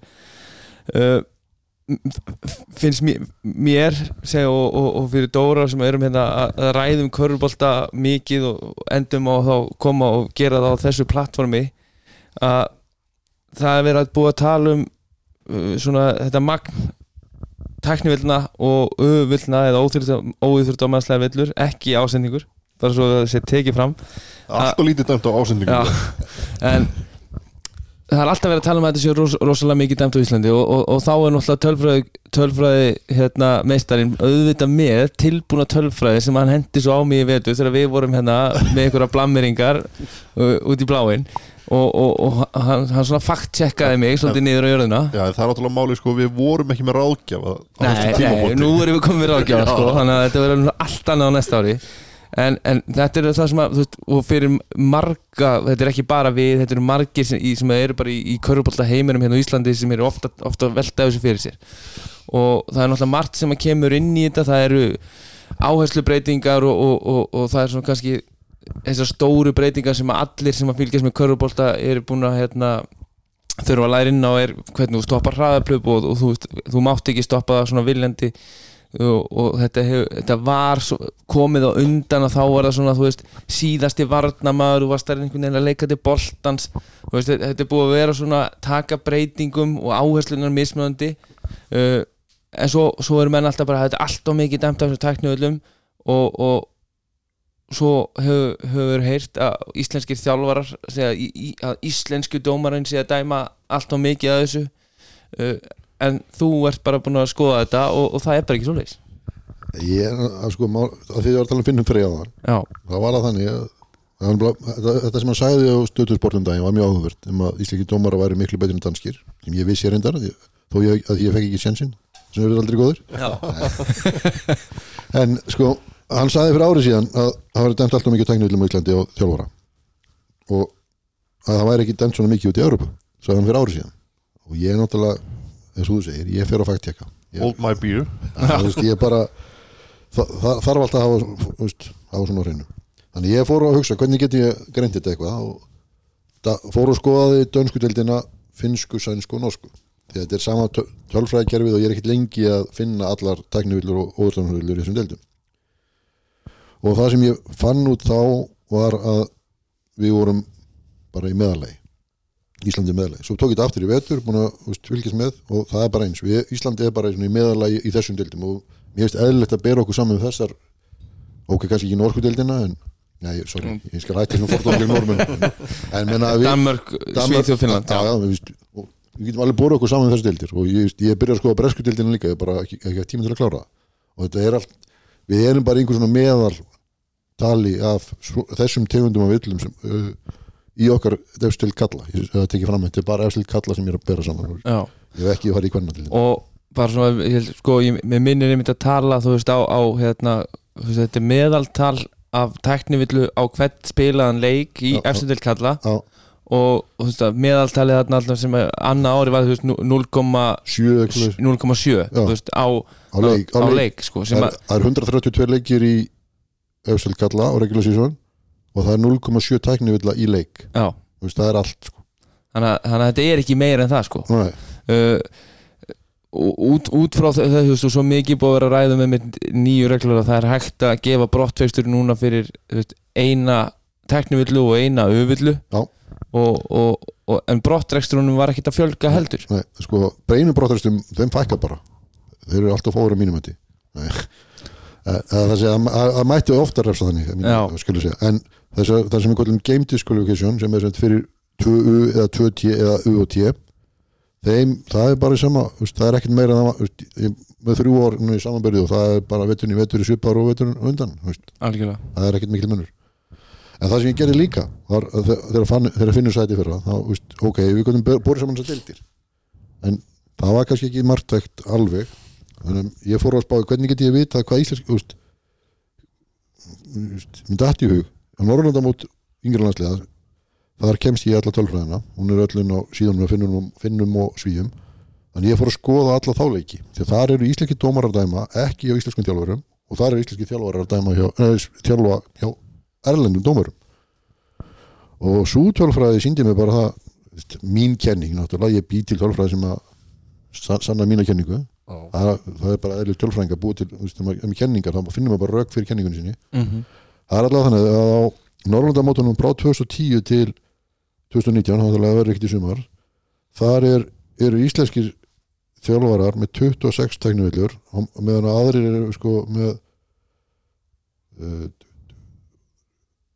30, við 43 ár Það er 26, 43 Ísland á móti hinnum, á móti sko þá Og rest. öllum hinum öllum hinnum og, og, og, og, og til þess að fólk átti sá því að þannig ertu með, með þú ert með Noreg, þú ert með Danmörk, þú ert með Svíþjóð og þú ert með Finna og með Eista.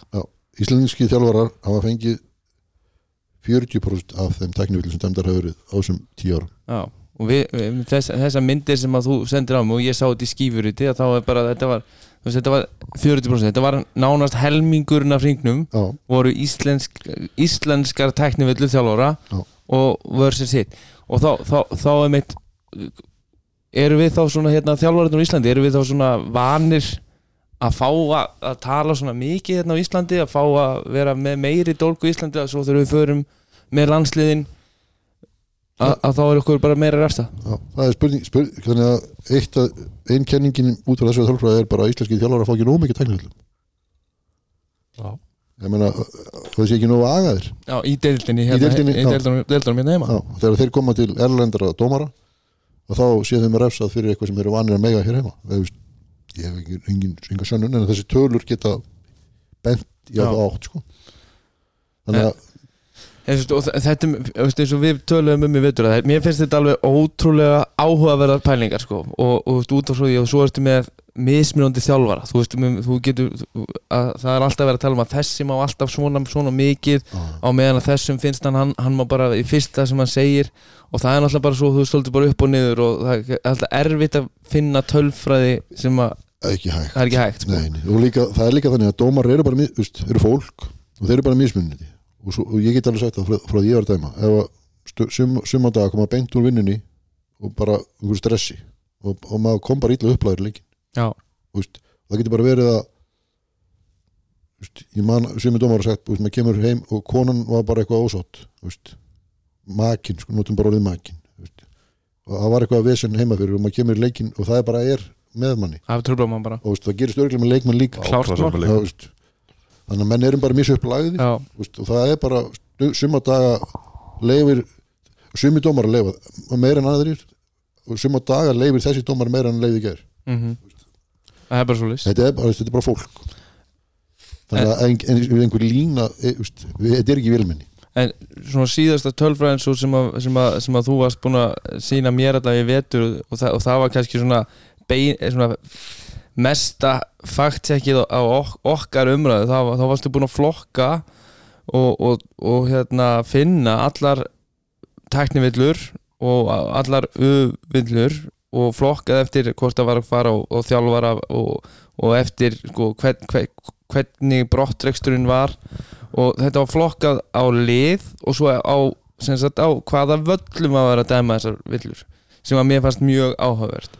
Og það sem ég, ég, man, ég, ég kom með punktumóti e, sem sagt að það virðist vera að bestu liðin voru að fá flestar tæknuvillur svona það var, það var ekki alveg með að við gengi grindvinga og þetta grindaði var mjög hátt í vetur. En svona í, fyrir utan grindaði sem var svona út fyrir uh, mína kenningu að þá voru þetta svona, já, sterkar liðin sem að eru betri liðin, að þau voru að fá meiri teknuvöllur og það var að vera að dæma fleiri teknuvöllur á þeim leikstöðum þar sem voru kannski hægt að segja að þarna eru fleiri toppleikir þarna eru fleiri leikir sem eru í sjónvarpinu þarna er meiri pressa, þarna er meira undir. Að þar ertu að fá fleiri svona villur e, e, ósámála þessari tólkun sem ég, ég var að lesa í þessi gögn? Ég er að horfa á þetta núna sko. Ég sé að valsarar fengu 11 teknivillur Þú sagðir að fleiri teknivillur í stórliðunum. Já, Já, ég, ég ætla ekki að gera lítið á valum ég veist ekki stórliði veitur en ert þú búin að uppdæta Við- þetta núna eftir sísoni? Já, það getur verið það Já, það geti verið, Gæti verið það, sko. Já, og ég Já. sá þetta bara í desember sko. Já, það getur verið ég held, ég, Já, ég held að það sé ekki alveg sko endilega rétt að valur og grindagennu flesta teknivillur og það eru lið sem að við getum sagt að var, voru lið sem að var búist um miklu við miklu af en, en voru ekki að Já. performa Já, það getur verið. Og þar kemur pyrringur og það er menn er ekki ná, ná því fram sem að svona, flestir halda það er, er meiri pressa á þér heldur en það er svo út að gera. Þetta er bara, er bara vombrið það er svo út að sína fram á leikja til leik mm og það kemur fram í meiri pyrring og það kemur fram í fleiri tennalum Það getur alveg meira verið sko, þau, og svo Þór Þórlásöfn kemur hérna næstu eftir þeim Já, sem að duttu svolítið niður og, og náðu ekki eins langt og þeir ætlu, ætlu annar Þannig að- þannig erum við bara að tala um tæknivillur á sko leikmenn. Já. Við, eins og með Þór Þorlarsson við töluðum um það ég veitur að Það var- einstaklingar þar inn í hómlu sem voru bara pyrraðir í uppa- bara frá upphæðu til enda. Já, algjörlega. En svo eins og sko grindaug til þess að vera langflesta tæknivillur á bekkin sem, og, og sem Danni fær flesta vetur af Já. þjálfurunum. af öllum þjálfur Já, hann er með sjö tæknivillur Djú stólkur maður það er svona, það er tölvöld, tölvöld magn. Já, og, og ég hef ákveðna þú kótið með það, þú hefur ákveðna skoðun á þessu. Nei, ég, maður, maður á ekki að segja svona en að þegar maður fyrir að horfa tölur og fyrir maður alltaf eitthvað að hugsa og pæla og það er ekkit algilt en, en allavega á tímapunkti var það þannig að það var mjög mikið af tæknivillum á sko, því að Káir var líka með mikið af tæknivillum og, og, og þegar ég var að, var að hugsa þetta þá allavega voru þeir ekki að ná voru, úst, þeir eru endur tímabilið ágætlega sko. Já, þetta voru þeim tímabili hann rétt fyrir jól að, að, að þá voru þeir já, alls ekki að performa. Nákvæmlega. Og ég á með einhverja kenningum það að þetta væri eitthvað agaleysi. Það er mikið tæknivillum og það er svona árangurinn en kannski er líka sem hún segja það er ekki nógur árangur og þá, verða menn pyrraðir Já, það er kannski freka það. En þegar maður sér sko að grindag með sjö tæknivillur, átta tæknivillur á bekkin það er, það er slatti í 21 umferð sko. Og er dýrt það er mjög dýrt. Ge, ge, kannski ekki að dýrt út af því að possessioni, það er búið að breyta þeirri já, reglu. já, já. en, en á endanum síðan þá, þá þá er þjálfarinn alltaf komin til pressu sko, ef hann var aðra þá hann var út. Þá var hann farin út. Já. ef maður hafa þjálfar í kvennandeldin í fyrra með 12 Já, Darri Freyr Allarsson ég nefndi hann ekki. Hann, hann fekk náttúrulega hann hann var náttúrulega reikin út og svona eins og frækt er orðið. Það eru flest, flest atvik að ég tel líka sko óþurfdamarslefilunar eða kallað er ódrengilefilunar það en það eru flest svona atvik dæmt ég grinda hver flest en 1,29 atvik í leik. Vist, af T, U, B og C villum. Já, það er slatti. Og flestar eru dæmdar í Keflavík og Króknum. Bara svona ef einhverju gafna tólfræði já Vi, Við fáum kannski, ég fæ leiði hjá þeir að, hérna, deila þessari tölfræði. Já, og svo sé ég að stjarnar er með flestar íþjóðdamannslefilunar ég held að sé Arnar einhverju taktík. Ég, Nei, ég held að þetta er taktíska villu sko. Já, Arnar er náttúrulega taktíska þessi þjálfari, ja, hann, hann er alltaf hugsa í taktík. Eins og við tölum um og ég mani, ég, ég setti fram veist, þegar við vorum að ræða þetta saman fyrir vetur og þá sagði ég mitt að, að, að þá, þá fannst mér, sko, þá geti ég mitt að verið í öfillónum sko. Já, að, að be, betri liðin, bestu liðin voru að fá á sig meira þannig. Og það segir bara, þú veist, taktískari liði já, bara taktiskari og þarna var bara þú veist, þetta eru liðin sem eru bara 100% á meðan þú veist, á, þess, á þessum tímapunkti í sísóninu þá, þá var Njarvík til dæmis ekkert að spila rosalega vel. Og mér fannst þeir á þessum tímapunkti mér fannst þeir búin að vera svolítið soft. Já, þeir voru búin að fara inn út í keplæk og, og leið og byrja að pressa og þá fóru menn bara í, í skilina skilur uh -huh. og þetta er bara hversu töff þú ert því fleiri, og þú spilar af þessari hörku og, farð, og jú, kannski farða eins fleiri öfillur en þú nær lengra. Já. Það er sko, Njárvík fekk í, í vetur fjórar villur og tvær teknivillur og eina tæknifil á bekkin þeir eru með 7 atvik menn að grinda ekki með 27 atvik. Na, það er rosalega munur. Akur er með 9 en svo er þetta bara sko 11, fjölinni með 11 svo er þetta bara 16, þú veist, já, 16 og 17 er eitthvað svona meðaldal Se, en Njarvík er með 7 og þau komu mörg í lokin Þú veist, þau voru ekki fyrir jól ég held að það verið 1 eða 2 já, ég man eftir að þetta var bara eitthvað það var nánast bara hérna, tómur já. en svona til að rétt klára og við núna erum búin að fara hérna uh, má ég segja eitt fyrst já, það er eina, ein tölfræði í kvennadildin sem ég veist áhugaverð það er það eru kallkynst þjálfarar það eru sko 57 atvik held ég beitunum við. Ég er að finna þetta hérna. Ég held ég 57 atvik í dóminsveld hvernig auðvitað nei 55 tæknivillur á kallkynst þjálfara er sko næri 50% eða eitthvað það er bara rugl sko. Þú veist, flest atvikin í kvennabóltanum eru já, ekki öfullur ekki teknivillur og leikmenn. Nei, það eru, það eru tæknivillunar á þjálfaran þannig að þær stelpunar eru prúðar heldur en stráðinir Já, og úst, er, ég spyr, er, eða velti fyrir mér, er þeir að draga mig, úst, er þeir að fá mig, úst, gera mikið úr sjálfum sér hann þeir þjálfara? Nei, ég, er- ég er að hugsa. já, fabuleringar Já, það er að sko, Darri fær 6, hvað við þinn, Gulli í Snævill 3 ár, Benni 3 ár, uh, hver var það Grindavík? Jóhann Átni, Jóhann Átni 2, Ólu Helga með 2 og Keflavík og Breiðablík með sitt hvora. en, en, það, og þetta eru sko átján á móti sko þetta eru átján af 55 aðtökum ok, ekki 50% ég tekja tilbaka en átján af 55 það er svolítið mikið út af því að hitt er sko allir leikmenn með U og T. Já. Nákvæmlega.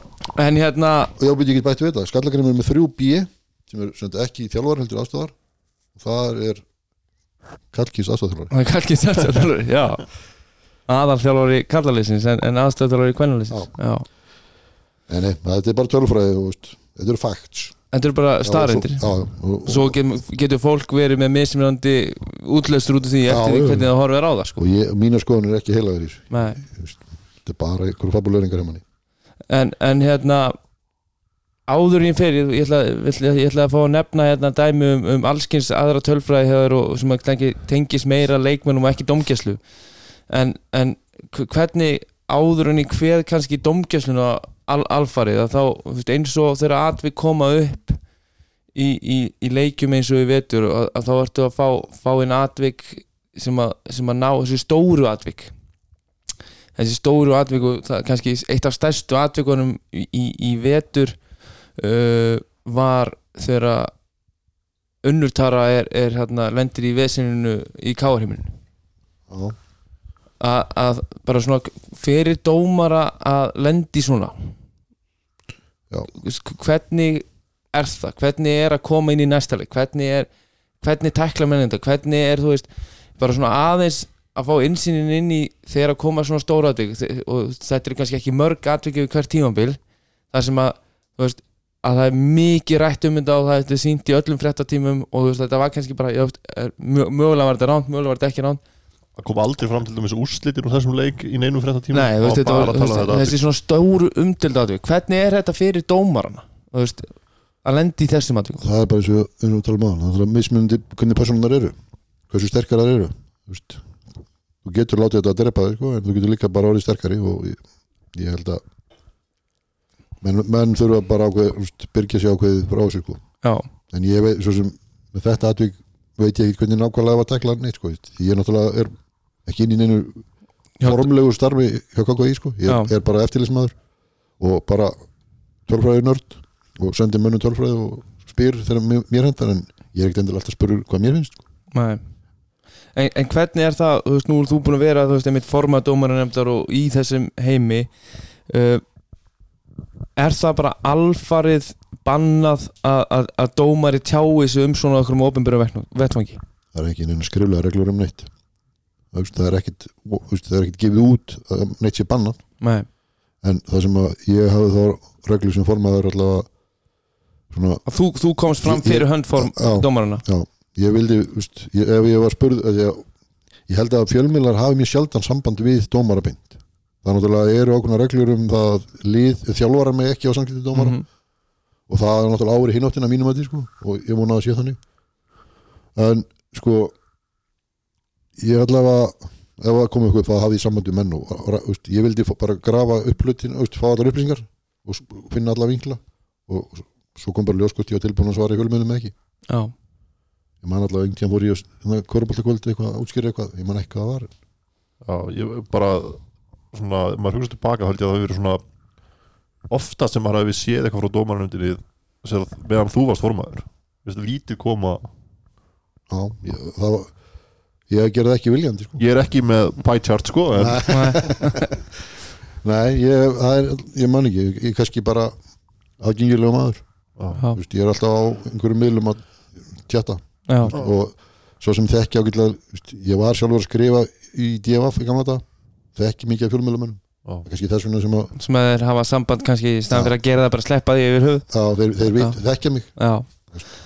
En ég, ég er bara oft pælt í þessu svona þú veist, þegar þú horfir okkur svona atvik og, og, og þessum segi hvort sem þessi þetta atvik sem Já. er hægt að fara svo einhverja reglugerur og deilum hva, hvað er rétt og hvað er ránt að það hafa náttúrulega bara í gegnum þessi ár sem að maður sérstaklega eftir að allir leikjur eru teknir upp og það er hægt að fara og skoða uh, öll þessi atvik og oft frá mörgum sjónarhóðnum að, að þá uh, koma atvik þar sem eru þú veist bara alveg, alveg kolröng, bara dæmt kolröng. Og eins og ég segi eðlilegt að dómarar gerir mistök alveg og leikmenn. Uh, en það hafa um verið svo kannski stór atvik sem að hafa kannski nánast úslita uh, vald. Þú veist bara breyta annarkvort vannliðið að tapa því uh, ég hef oft hugsað þú veist alveg eins og þú sér það ef einhver gerir eitthvað af sér embatismæður eitthvað þá er alltaf verið að byggja til að hann koma og byggja stafsyngunar þú veist, er það eitthvað sem er, er mjög ólíklegt að dómarum myndi koma fram bara hvað sem það væri senda frá sér yfirlýsingu á vefnum eða í veist, þarna er bara ég viðkynna að ég gerir mistök, ég horfða bara hins einn og bara því miður þá gerist þetta og batnandi mönnum er best að lifa og allt það. Eða er þetta bara svona þetta bara gerist og ætla, við, bara, við setjum þetta bara strax í bakpókan ég veit ekki alveg hvernig ég veit ekki alveg hvernig það þessu en ég- eitt, eh, sko, kvöruboltakvöld er náttúrulega mjög duglegt að greina og þeir komast oftast að niðurstöðum hvað er rétt og rámt veist, og þegar menn skoða hlutin aftur þá er veist, þá sjá þeir, veist, þegar menn geta skoða aftur aftur þá finna þeir niðurstöðuna og, og ég veit alveg að kvöruboltakvöld leita sér oft upplýsinga þó að það kom ekki endilega fram í þáttunum.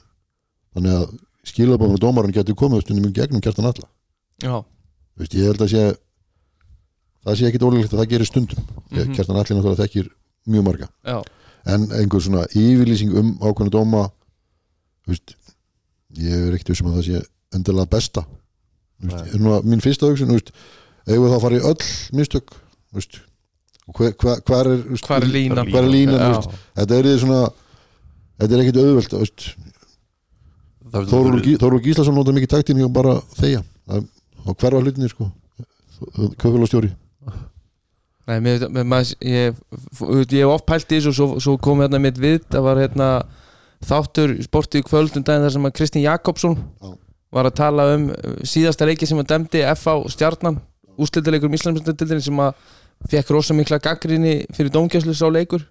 Og hann veist, kemur í þáttin þar sem að hann sem sjálfur dómarinn er að lista út veist, stóru atvikin í leiknum mistök þarna á mistökinu og mér finnst bara svo gaman að heyra það frá veist, augum dómaran sem var að dæma leikin en, en lastu þá það sem Gararöð uh, Hinriksson skrifaði um þetta viðtal? Já, Já, Þannig að spurningin er hvað er gott? Hvað er gott, já. Þú veist, fyrir mig þarna sem, þú veist, bara íþróttafamannin Já, á fannst mér að gegja En það er líka kannski tölvöld auðvöldar að gera þetta svona mörgum árum setna nákvæmlega. ég er að segja það, Já, sko, já. þetta er erfiðar að þú veist, þú getur, er mun, mun, mun flóknar kannski að einmitt að gera, þú veist, vik eftir leik, sko. Já. það, það hefur verið, ég veit að í Englandi til dæmis í fótboltanum þeir held að séu bara aðalega þjálfara sem er að kalla eftir því að, að dómara verði til viðtals eftir leik. Það er, í sumum löndum er það í einhverjum íþróttum að, að þeir fá, við stjálfarnir fá að hitta dómarinn Já. eftirleik en, veist, ég veit ég, ég, veist, ég hef ekki velt þessu mikið fyrir mér þannig ég hef ekki stóra skoðan veist, en, en ég er ekkert veist, veist, að finna línuna hvað, að- atvik eigum að taka og hvað ekki Já. Veistu, það er, það er umdild atvik í öllum leikjum og ég, ég, ég held að það séu mörg atviki inn, eða svona atrið innan leiksin sem að við ættum að, að laga undan þessu sko. Maður klár. Sorry. E, e, og, og að Njarvík hætti að spila í grænu heimavill Já. allavega útilið er í dökku líka sko. ég skal koma þessu áleis takk. Ég, ég hérna, þú veist, eftir leiki ég, ég, sem þjálfari og maður hefur passað fyrir því sem er að gera ég hef alveg farið í þú veist, samræði við dómar eftir leiki og endanum það skilar ekki neinu skilur það þú veist, á endanum er þetta alltaf ok. Þú veist, þá erum við bara sammála og við erum ósammála og bara hafa það gott og Nákvæmlega. sjáum sko, þetta er bara svo leist og svo er líka ó, veist, ótrúlega oft sem að þegar menn fara að horfa á þetta aftur það er bara, já, þetta er rétt. Veist, ég, ég, ég ætla að segja allavega í 75% atvika þegar þjálfari er brjálagur yfir einhverju sem atviki svo þegar menn fara að greina það þá er það, þú veist, dómarinn hafði rétt til sér en dómar að gera mistök eins og allir. Já og, og, og svo er mitt það sama þú veist, dómarinn er ennþá á sömu skoðum þegar hann stendur á parkettunni í Já, og, og, og hann þá kannski sér ekki að þetta hafi verið vitlu fyrir hann er búin að fara heim og skoða Nákvæmlega, skilur. Þetta er- nákvæmlega, þú veist, þetta er, þú veist, það er að finna ef menn alltaf eitthvað svona, þá er að finna einhverja línu og, Algjörlega. En hérna Það eru svona tvær Tveir tölfræð þetta sem að ég ætla að fá sem að við vorum búin að svona fá þeim fyrir, fyrir hérna, þáttin og eitt sem að kannski svona þetta er, þetta er ekki besti tölfræð þátturinn og þetta, er- maður, hefur, maður hefur heyrt um þennan í, ennskúrústildinni mitt þar sem að Herman Reðarsson er, er hátt á lista. En það er, þú ert búin að grafa upp þá leikmenn sem hafa fallið oftast úr, úr efstil kalla á, eða, úr úrústildinni sem byrjaði 78 ég, Já. ég miða allar mínu tölfræði við það. Ég, það svo lítið til af efstild kalla fyrir 78 úrústildin stofnum þá. Og það, já, ég einhver tíman var einhver með einhver auðlýsinga úst, ræða eitthvað hverju þið falla oftast og ég, náttúrulega Það fórst og tjekkar á því. fær maður bara tjekkar já, þetta er allt til, það er bara ræðið rétt saman. Og það er einn maður sem hefur fallið sj- sjö sinnum úr úrústild kalla hann, hann spilaði tíu tíambil Það er rosalega þurfræði og, þe og þetta er, þetta, þetta er ansi frægur maður í Íslingum Korabólta já, já, hann heiti Brynja Karl Sigurðsson. Brynjar Karl Leðarsson, BKS Já. Sorry Brynjar. Þetta er bara, þetta er facts Við get, veist, við getum ekki Vi, Við getum ekki breytt þessu. Nei, Brynjar náttúrulega var típan sem að fórum til liða til að, veist, hjálpa þeim í bótbárðinni Já, og þá lenda menn náttúrulega í þessu.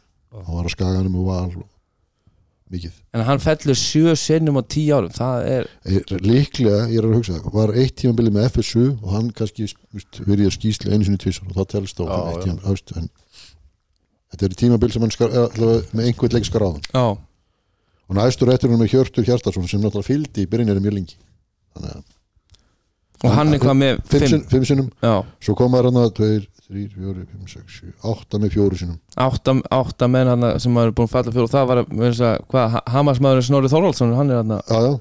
og vinnufélag minn Ragnar Níl Steinsson. Pétur Már Sigursson, Mirko Virjevic svo er einn innan sem engin veit hver er. Hannes Ágúst Jóhannesson. Hann var spilað með IS í gamla dag á fleiri liðum. Og var í dómarnum, nei, var í aganemnd í mörg ár. Kallaður Ágúst.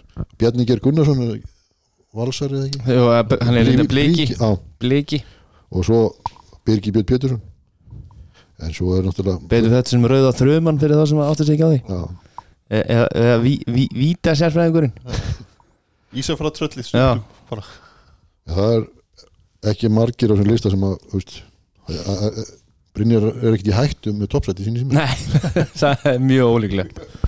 Hvort að Brynjar fór ekki breyðablík líka þegar breyðablík fjöld geti verið Þetta, er skemmt það er, gaman að eiga þessi tölfræði og það er einhverja ekki sko, bandaríkjamaðurinn er svo sterkur í tölfræðinni. Og að þú fær tölfræði út um allt. Já, og, og þú fær sko, alls konar tölfræði sem að skiptir á, á endanum engum máli. Þessi maður skoraði alltaf svona mörg á miðgudegi eða eitthvað já, svona. já, Uh, en það eru svo fáir sem eru einmitt á Íslandi að, að gera þetta um íslenskan já.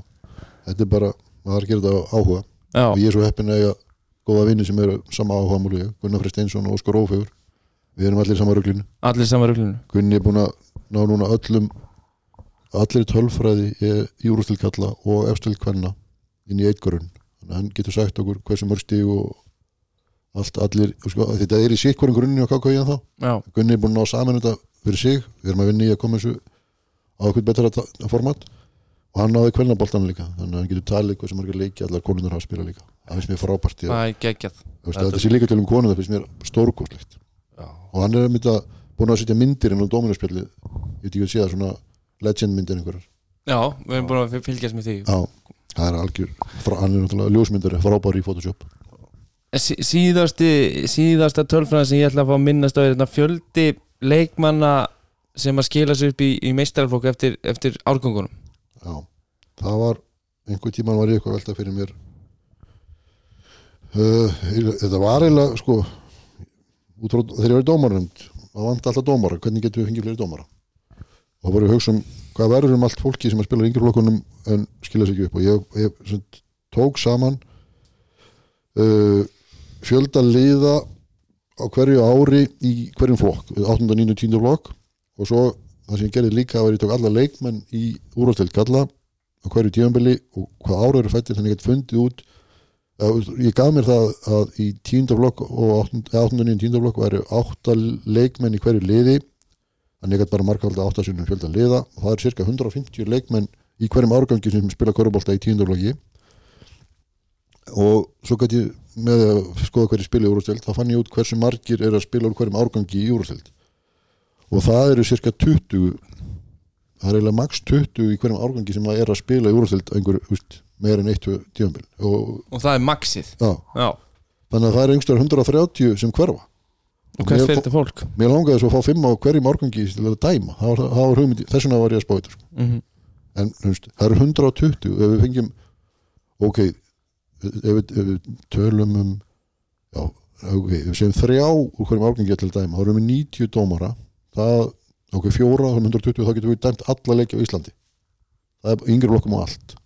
Ef við, erum að, við fengjum þrjá úr hverjum árgangi segjum að fari tæki ég veit ekki tíu úr hverjum árgangi fari bara í að vera stjórnum félagi eða eitthvað veist, veist, að- veist, það er svo mörg hlutverk ef við fengið bara við fengjum 30 af þessum 130 til að starfa áfram Í, í körubólta Já, einhverjum Já, bara leit ekki, ég er ekki að tala um leikmenn bara Já. að vera í kringum þú veist.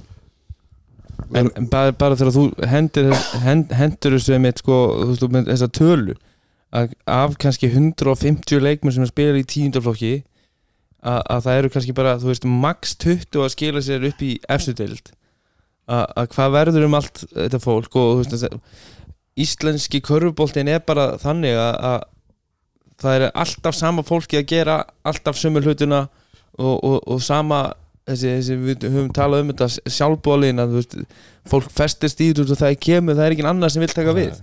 Og það vantar bara fleira fólk og, og, og fyrir, úr, úr þessum hópi fólk sem, sem endar á að vera ekki leikmenn skilur að, að þá er þetta með og það er mikið talað um þetta til dæmis bara eh, í, í mínu félagi að, að, að það er verið að, passa líka upp á veist, ungu kynnslóðuna að, vera með verkefni fyrir þau áfram á með, þó að þú sért ekki að búa til uh, kannski einhvern sem væ- er á leiðin að fara að vera afreiksmaður í íþróttinni en þú vilt búa til félagsmann þú vilt búa til mann, eh, félagsmanni sem er tilbúin að starfa áfram í kringum klubbin og vinna fyrir klubbin sem er náttúrulega í þessu íslensku umhverju alltaf nánast í, sjálfbáðlega vinna sko.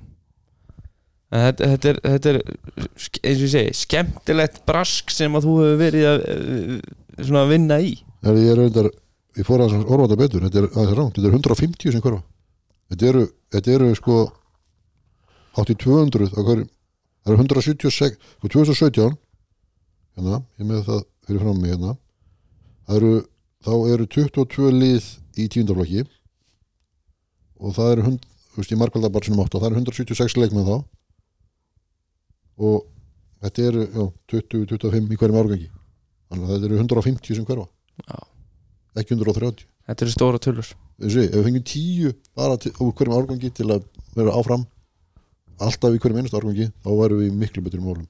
Og, og, og sko hvort sem það er domgisla, stjórnarstörf sjálfbúðarlega stöður eða þá ef við leiðum okkur inn í svo síðasta partina sem ég vildi tala við uh, að það er veist, skrifa fréttir, það er alltaf verið að tala um að vantar að það kom ekki um frétt og þennan leik að það var bara ekki til þess að skrifa um hann. Já, gjörðu svo vel, þú má bjóða þig fram og, og gera það sjálf í stæðan fyrir að röfla á Facebook yfir því sko. já, en þú ert ekki bara búin að vera dæma, þú er búin að vera að, veist, að áhuga maður og fjalla um körubólta líka. Þú, og þú varst að vinna þú varst, þú sagðir að í, í Danmörku þá varstu með Jóni Bitni og, og félögum á kanon.is og þú hefur verið að mitt núna, ég hef búin að vera að skoða myndi ég fann nú einmitt ykkur að myndir að sjálfum mér hana á, á, hérna, á Facebook síðunni gamlar köruboltamyndir Já. uh, ótrúlega skemmtilegt að sjá þetta og, og svo einmitt samstarfsverkefni hjá þér og, og Gunnari sem er einmitt fyrir um dómari líka að, að þið eruð að fara að gefa út bók. Gunni, Gunnar Freystinsson hann var dómar í gamla með mér. Hann hérna hafði saman við mig fyrir að vera ári síðan og hann gaf gjóð bók og ég er náttúrulega það er alltaf spennandi að skrifa kör- bók um körubólta ég gæti ekki að nei. Þannig að við hugmyndin hans er samt að það sem er kallað munnuleg saga. Það er sem sagt, við tölum við fullt af fólki um einhver atvik og það segir frá því frá sínu sjónarhóðni og við, þetta er bara beina tilvætninu við erum ekki að fara að skrifa Ekki- það er ekkert sem við skrifum heldur, þetta er allt eitthvað sem fólk segir. Já, svona viðtalsbók þetta, er, þetta er oral history á einsku og þetta er líka bara svo þegar mann voru að horfa á Last Dance þar er, við- það er klift á bindli manna, veist, þeir að segja frá einhverjum leik, alltaf klift á það sem hann, þessi segir um þennan leik Mhm. þetta er bara það á bók og það er hugmyndin þannig að við byrjum að, að hérna að pæla og höfum saman til KKI því að KKI verður sem sagt 60 ára í janúar á næsta ári Jó. og hugmyndin okkar var þá að þetta er því svona við getum verið í syngur samstarfi KKI og þetta er ammælisbók fyrir en hún víst, myndi aldrei koma út samt í janúar. Það er bara ekki fræðilega hægt. Við ætlum að gefa hún út í jólinu næsta ári en COVID og Andriki vinnu og bara þegar maður byrjar á þessu verkefni að tala við fólk um kvörubálta og við tökum öll vitul upp. Við, það, það er það sem ég vist er endar eitt bjútið við þetta við erum að taka, við erum að tala við fólki sem spilaði fyrsta landsleik kallaði kvörubálta veist, Jón Eistinsson fyrirhandi síslimaðurinn í Keflæk um, við erum að tala við Þorstein Hallgrímsson sem spilaði hann leik 16 ára gamall og Uh, við erum búin að tala um þjálfaran Ásker Guðmundsson sem þjálfaði í lið þetta er, 50, þetta er 1959 sem þessi leikur fór fram. Við erum búin að tala við þetta. Við erum búin að tala við, við fundum einn danska leikmannin sem var anstæðingur í veist, við erum búin að tala við hann. Þannig að veist, þegar maður byrjar og tekur og fer að tala við þetta fólk sem maður náttúrulega veist, búið að vera hugsun, eða, þú veist, horfa fylgjast með körubálta í 60 ár þá er náttúrulega, eða meira sem, eru voru að byrja þannig 1940 eitthvað sko. Við, þá hérna við erum svo gaman að við sem að taka þetta upp. Við eigum sögur því að við, við pössum okkur á að lofa fólki því að seg, skrifa ekki allt sem það segir. Þannig að reynum alltaf að ná því aðeins og flug að segja okkur einhver, sögur. En að eiga þessar sögur alltaf til á upptöku við sem er frábært. Og, en svo náttúrulega kemur COVID e, og þá er náttúrulega erfitt að heimsækja fólk og hvað þá gamalt fólk en við höfum hérna náðum nokkur viðtölum við gegnum bara Zoom og Skype og eitthvað. En, en þetta er eitthvað að frestast þetta, þetta, þetta, þetta, við byrjum þetta er svo gaman og, og, veist, og við erum svona að hugsa hvernig við tala næst? Ég sé alltaf að gunna bara mér langar að tala alla. Hann er, ég hef verið svolítið upptekinn í vinninu undarverið og hann hefur verið að taka viðtöl og hann er til þess að mikið á innvíði Njarvík haukar innan 88 þá sem tókuð 80 í þeim leik. Þess að reyni Kristjáns skora sígukorun á hodinu hann er búin að tala verið reyður Ég sá um þetta kvóti sem hann settir um daginn. og hann segði þú veist þetta um hvað sko, að- fyrst eða önnu karvan hans í leiknum. Það trúði enginn hann að skjóta. Nei, og Þetta hann hendur hann að spjalda hann í og hann er búin að tala um nánast alla sem spiluðu hann leik. Hann er talað við Reyðarsson í gær og, nei, í fyrir dag og við erum búin að tala við Henning Henningsson og Tryggva Jónsson og veist, fullt af mönnum sem að enginn veit hver er í dag í, veist, þið veitir ekki hvað mennið eru sem ég er að tala um hérna sko. Henni kenni, jú, jú, en Tryggva Jónsson veit ég ekki hver er Nei. Nei, Ingi Már Jónsson.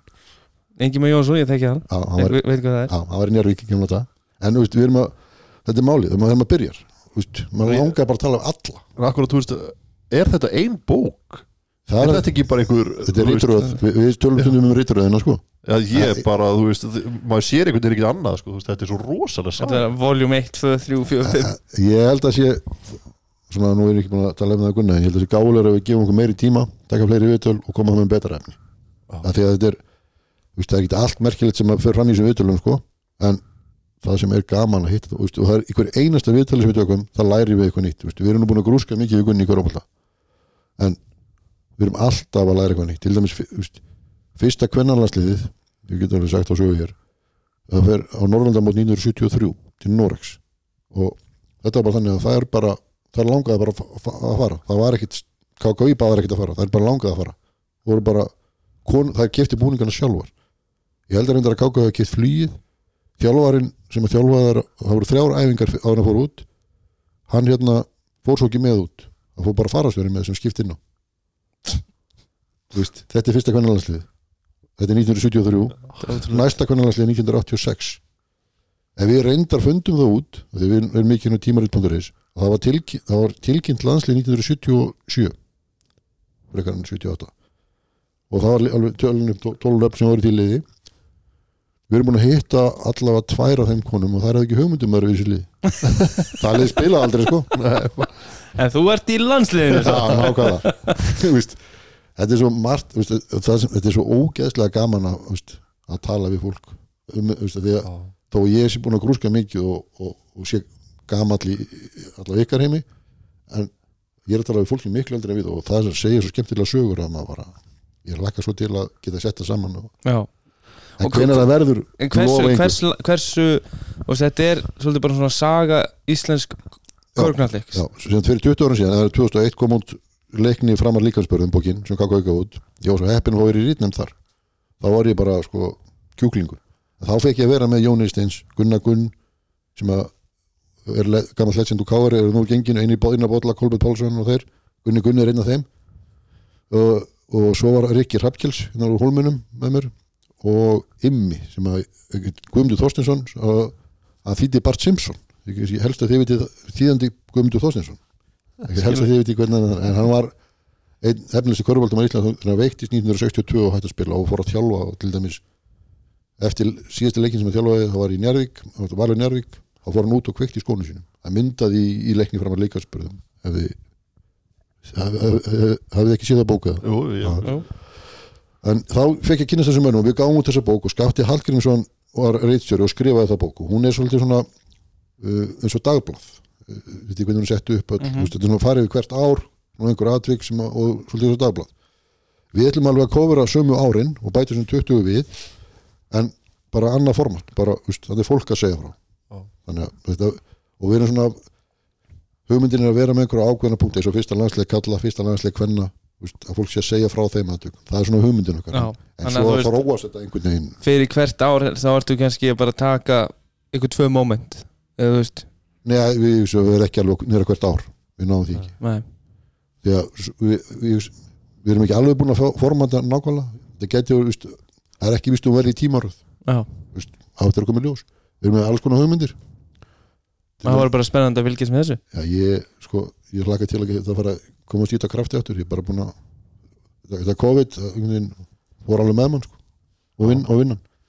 En sé, að fá að tala við allt og taka upp allt og bara, sorry, það er ekki hægt að segja Gu- Gunni er búin að spyrja mig nokkur sinum, ef að tala þennan, ég bara, það er alltaf já, já, mér langar að tala við alla. Já.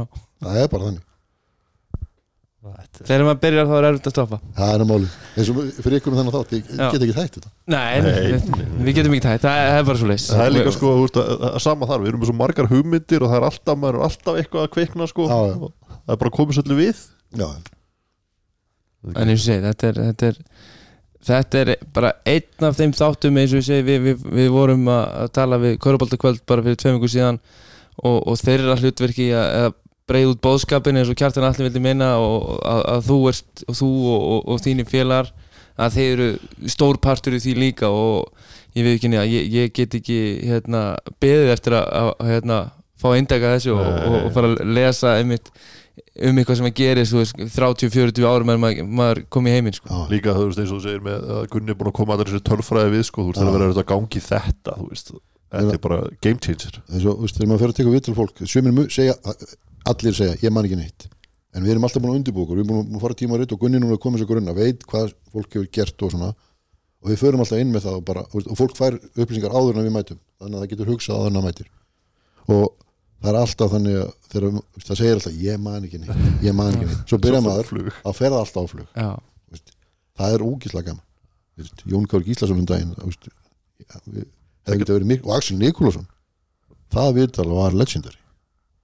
Hann, veist Við- að því við erum, erum nú stöddir hérna í, í Keflavík veist, við erum saga körfuboltars í Keflavík við erum alveg komum annar hreint sko, hvernig körfuboltin byrjaði í Keflavík sko. ég vissi ekkert um það fyrir fram þetta var bara óþekki strákar sem þurfti að koma í einhverju activity. Já, og settir í körfuboltan klukkan hálf tíu á fyrstundum og nýju á sunnudum eðlilegt. Skólastjórin, Ólafur Jónsson hittu veldi þið er svo ungir þið, Nei, vi, vi, ég þarf bara að lesa bókinu til að nákvæmlega nákvæmlega. En Herðu, þá hérna Erum við ekki að að því hann, hann nefndi á hann síðasta nettómótið. Já, síðustu nettamóti, jú. Það var, Dance ég var með á listanum sko. Já.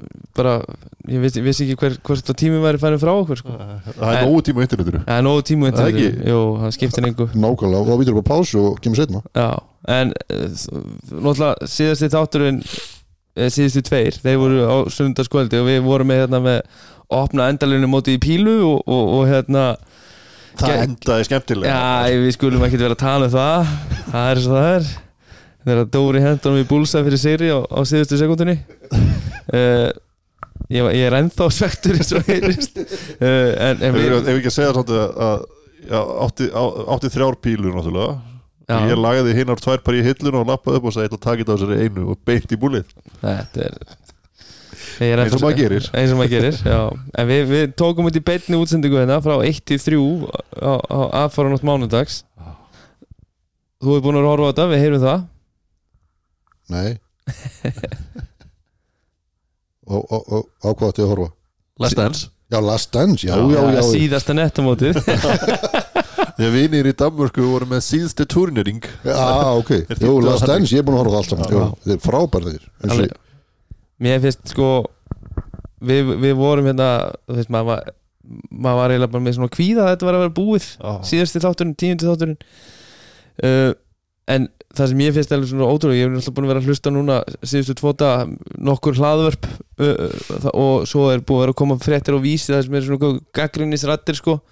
En bara þegar þú ert Michael Jordan að þá átt þú einmitt bara að fá oral history að fá að segja þessa sögu eins og þú sér hana.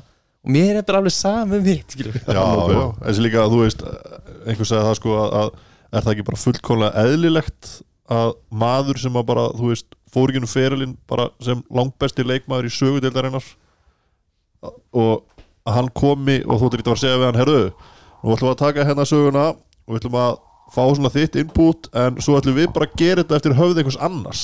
Hann verður bara að fá stjórn þessu. Það er bara svona eins og það var einhver sem sagði í síðasta næstísta þettinum hann var veist, að því hann var svo góður, hann var alltaf með lífverði hann, hann var í alltaf um en allir hinnir hann var bara svo ógeðslega góður hinn hin venjuleg NBA-leikmaður bara átti ekki róð í þetta sko. Þeir voru bara ekkert með í og þessu þeir voru að heimi. segja mitt eins og ég, þetta kvót sem þú ert að tala um að það voru svona þú veist, maður, maður öfunda hann ekki sko þú veist, út að Nei. þetta er alveg því, lífverðni þú veist, sama hvert hann fór já, já.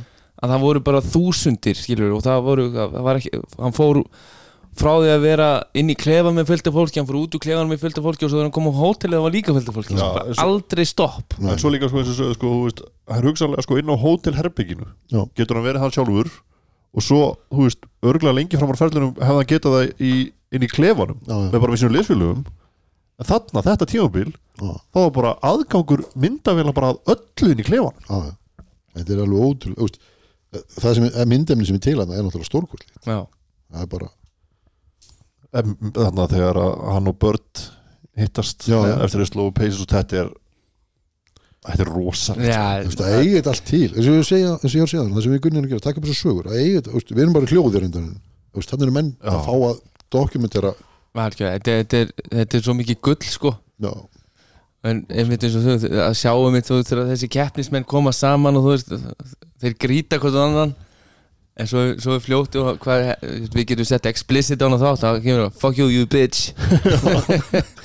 Eh, eh, það er til svona dæmi veist, við, í bókinni, viðtölinn sem við taka þegar Njarvík og Keflæk voru að eigast við í gamla daga veist, þetta er alltaf hattur á milli Njarvík og Keflækur einu sko, þetta var þannig þegar við spiluðu að ég held að, að manni Jón Kár pikkaði valla upp og svo fóruð saman í leikin og spiluðu á móti konum öðrum var lengi myndar. Og lömd okkur um öðrum. Já, já, svo bara klárast leikurinn og sko, fóruð saman? Þeir, þeir voru bara, þeir, fóru, þeir keirðu saman í leikin sko. eða hvort það var, veistu, valur tók Jún upp, ég man það ekki. Þa, það var svoleiðis líka það út af fólk er að segja að þetta sé og menn sé ómikli vinnir í dag sko. Já, en þeir, þeir eru, veistu, þessir eru bestu vinnir Já, já, það er bara þannig, þannig. já. þetta er Þetta snýst um að keppin á vellinum og svo skiptir ekki hvað ég, ég var alltaf mest að, ég held ég svona þú veist leiðilegastur við vini mína Já. ef ég ef ég get Já, orðað þannig já. sko, ég var mest svona í gegnum gangandi gegnum yngjaflokkana og, og, og, og svo inn í meistarlokk að, að það, maður sem ég fannst mest gaman að trassa og, og, og tala dónalega til og veist, vera leiðilegu við hann það er Jóhansson og veist, og hann var einn af mínu bestu vinnur sko. Já. En, en þú veist, ég fekk það tilbaka frá hann sem við leið sko. þetta bara, Mér leitist ekki að lemja á þér sko. Nei, nei, það er bara Góðstin í tegin Það er bara svo það er. Ég, ætla, Þú ætlar að vera að segja ykkur að sögur og blokka um ykkur við getum alveg sleppt í Nei, það er bara í hverjum einasta leik sem við spilaðum ekki að korðurum Já, en herðu, Helviti gott. Þetta er búin að vera gott maður. Uh, Þú, hérna, það var náttúrulega alveg æðislegt að fá þér rúnar.